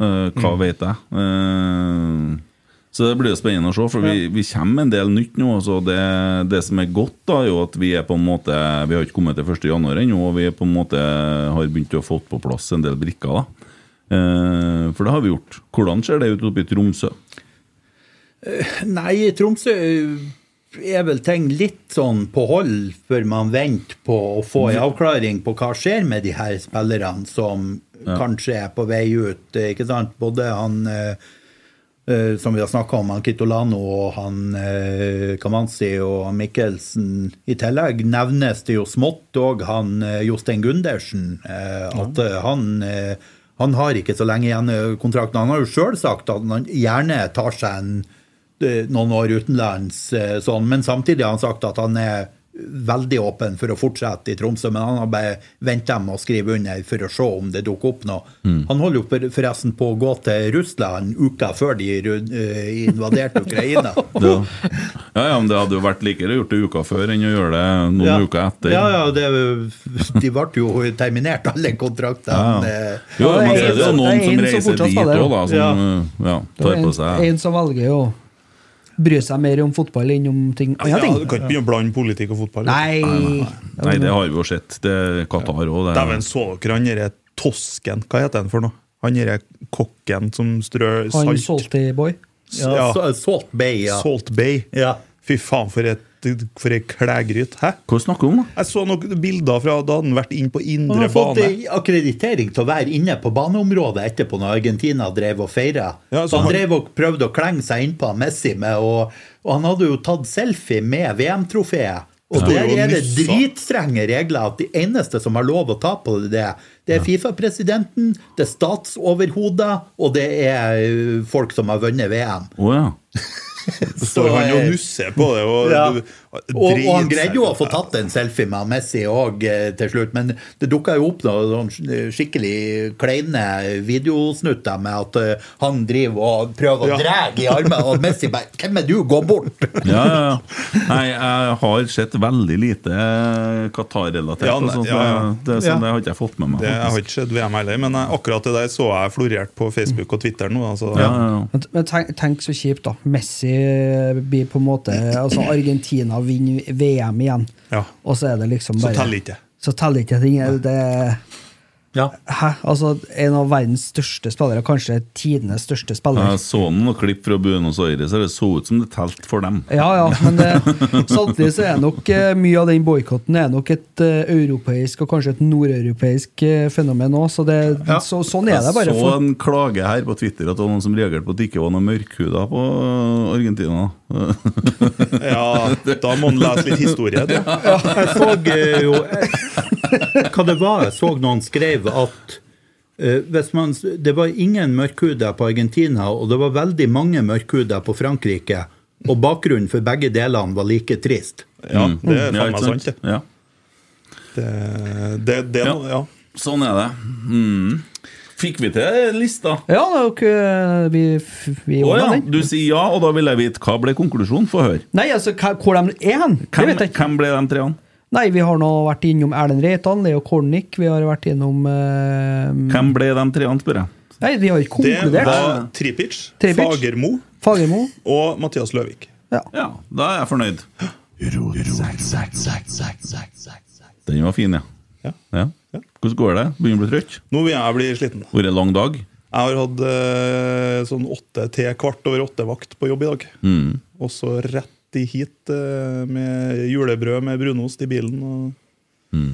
Så begynner det å bli nok nå, ja. Ja. Det Hvor du- har ikke med deg å gjøre, Marius. Skal du, skal du til Persjøene, eller skal du Jeg skal til Persjøene og overnatte, og så kjører jeg videre til Rana i morgen. Jeg har kjørt fra non- nonstop fra Oslo i dag. Se det. Jeg sier som Christer Nesse, det er meldt et helsike av vær i morgen. Ja, jeg er spent på det her. Ja. Men det har Jeg har inntrykk av at for hver gang jeg har sjekka Yr, så har det drittværet kommet litt seinere. Ja. Så jeg håper at det Håper det flytter seg Ja. nordom Saltfjellet. Ja. Og blir der. Denne Bodø-Tromsø-krigen, den, har- den har alltid vært der, den. Ja, men samtidig, altså Historisk sett så var det jo Hvis de lagene møttes én gang i året, så var det jo mye. I, liksom, i den her nordnorske cupen som var i gamle dager. Eh, men uh, det som, eh, som på 60-tallet var virkelig erkefiende Tromsø IL, det var Andenes. Å ja. ja. Det er jo Andøya. Ja, og der var det full krig, og hver gang lagene hadde møttes, så hagla det med protester og eh, avisskriverier. Og eh, gå inn på Nasjonalbiblioteket og søke opp noen gamle kampreferater i avisene. og ja. Eh, det er helt fantastisk å lese hvor mye Det var ikke måte på hva de beskyldte hverandre for. eh. Men var det mye sånne militære dudes da, som spilte på Hansnes? Nei, det vet jeg ikke hva det, Det var bare det at de generelt ikke likte Ja, det var så Tromsø har en fyr i apparatet rundt A-laget som er fra Andøya. Han sa hadde morfaren hans visst at han jobba for Tromsø IL nå, han hadde blitt arveløs. Og, Ja, ja, ja. der. Men nå har det blitt eh, Bodø mot Tromsø. Det har vært veldig veldig mange ja da, det, Ja. Det er helt siden Ja. tredje divisjon, sikkert. Eller? Ja, for jo, det var jo før min tid, men uh, de bodøværingene vant jo en cupfinale på 70-tallet en gang. Uh, og da fikk de litt sånn hele Nord-Norge-stempel. sånn Sant? Eh, Oluf Rallkatli eh, var, kom fram som eh, Bodø-supporter og det, men så hadde jo de en kjempebølgedal, bølgedal, som jeg nevnte, på 80-tallet, når, når Tromsø kom opp mm. og, og etablerte seg i Og det Jeg sier jo det at Bod, de fra Bodø har jo flere ganger hatt perioder der de har vært flere år på nivå to eller lavere etter at de først kom opp. Etter at Tromsø først røkka opp i, eh, til 86 i, Nei, ja var vel var sek- 87 var første året de var oppe. Sånn var det. Eh, Etter det, de har aldri vært mer enn én sesong eh, på nivå to. At når de har røkka ned, så har de kommet seg rett opp igjen hver gang. Hvem er din favoritt-Tromsø-spiller, da? Gjennom tidene, som du husker, liksom? Det er vanskelig å komme utenom Sigurd Rushfeldt. Det, det er så mye mål. Det, Ja, det- Men han er jo en favoritt i Trondheim. ja, ikke sant? Det- Det er jo Vi har jo hatt ganske mange, vet du. Du har jo også eh, Morten Gams Pedersen. Ja. Eh, så Målskred. Målskred. Mika Koppinen. Mika Koppinen, Tor Reginussen. Eh, så har du jo han Sigurd Skjølt som vi snakka om nå. Ja. Uh, så har du litt andre veien, da. Eh, senest da, kan man si. Eh, ja. Eh, hvis dere virkelig vil provosere noen bodøværinger, Mm. så skal dere si 16. mai 2018, Morten Gamst Pedersen. Mm. Da, 16. mai 2018, Morten Gamst Pedersen. ja. Det, han eh, leverte en masterclass i shithosery på banen. Ja. Tromsø, Tromsø vant 1-0 på Aspmyra. Og eh, det var ti minutter overtid. Og eh, jeg tror han lå nede i ni minutter, de og rulla. Fin fyr, han Morten. Ja, han var da bra da han var her, han. Ja, han var, må jo være bra flere plasser, han. Blackburn og Absolutt. Var han bra når han var her? Ja, var jo det. Når da? I, jeg husker ikke jeg årstall, da, der er jeg dårlig. Men, ja. men jeg, han hadde flere gode kamper for oss, han òg. Ja, både for A-laget og andre laget, Ja. Han, han var faktisk på visning når søstera mi solgte den forrige leiligheta si. Han, var, han var bare wingman for en kompis. eh, Ja, for han, han slo seg opp litt med eiendom i Trondheim, faktisk. Det kan hende, ja. Ja. Ha- Han ble ferdig nå, nå han? Nei da. Nei, han spiller jo Åsane, han. Ja, men han er ferdig ferdig i Åsane, Ja. men det er ikke avklart hva han gjør neste år. Han har sagt at han gjerne spiller videre hvis uh... Nå har han jo fått seg sånn tøft arr òg. Ja. ja. Det var det med å vite når man skulle skal gi seg. Er det igjen noe av den, da?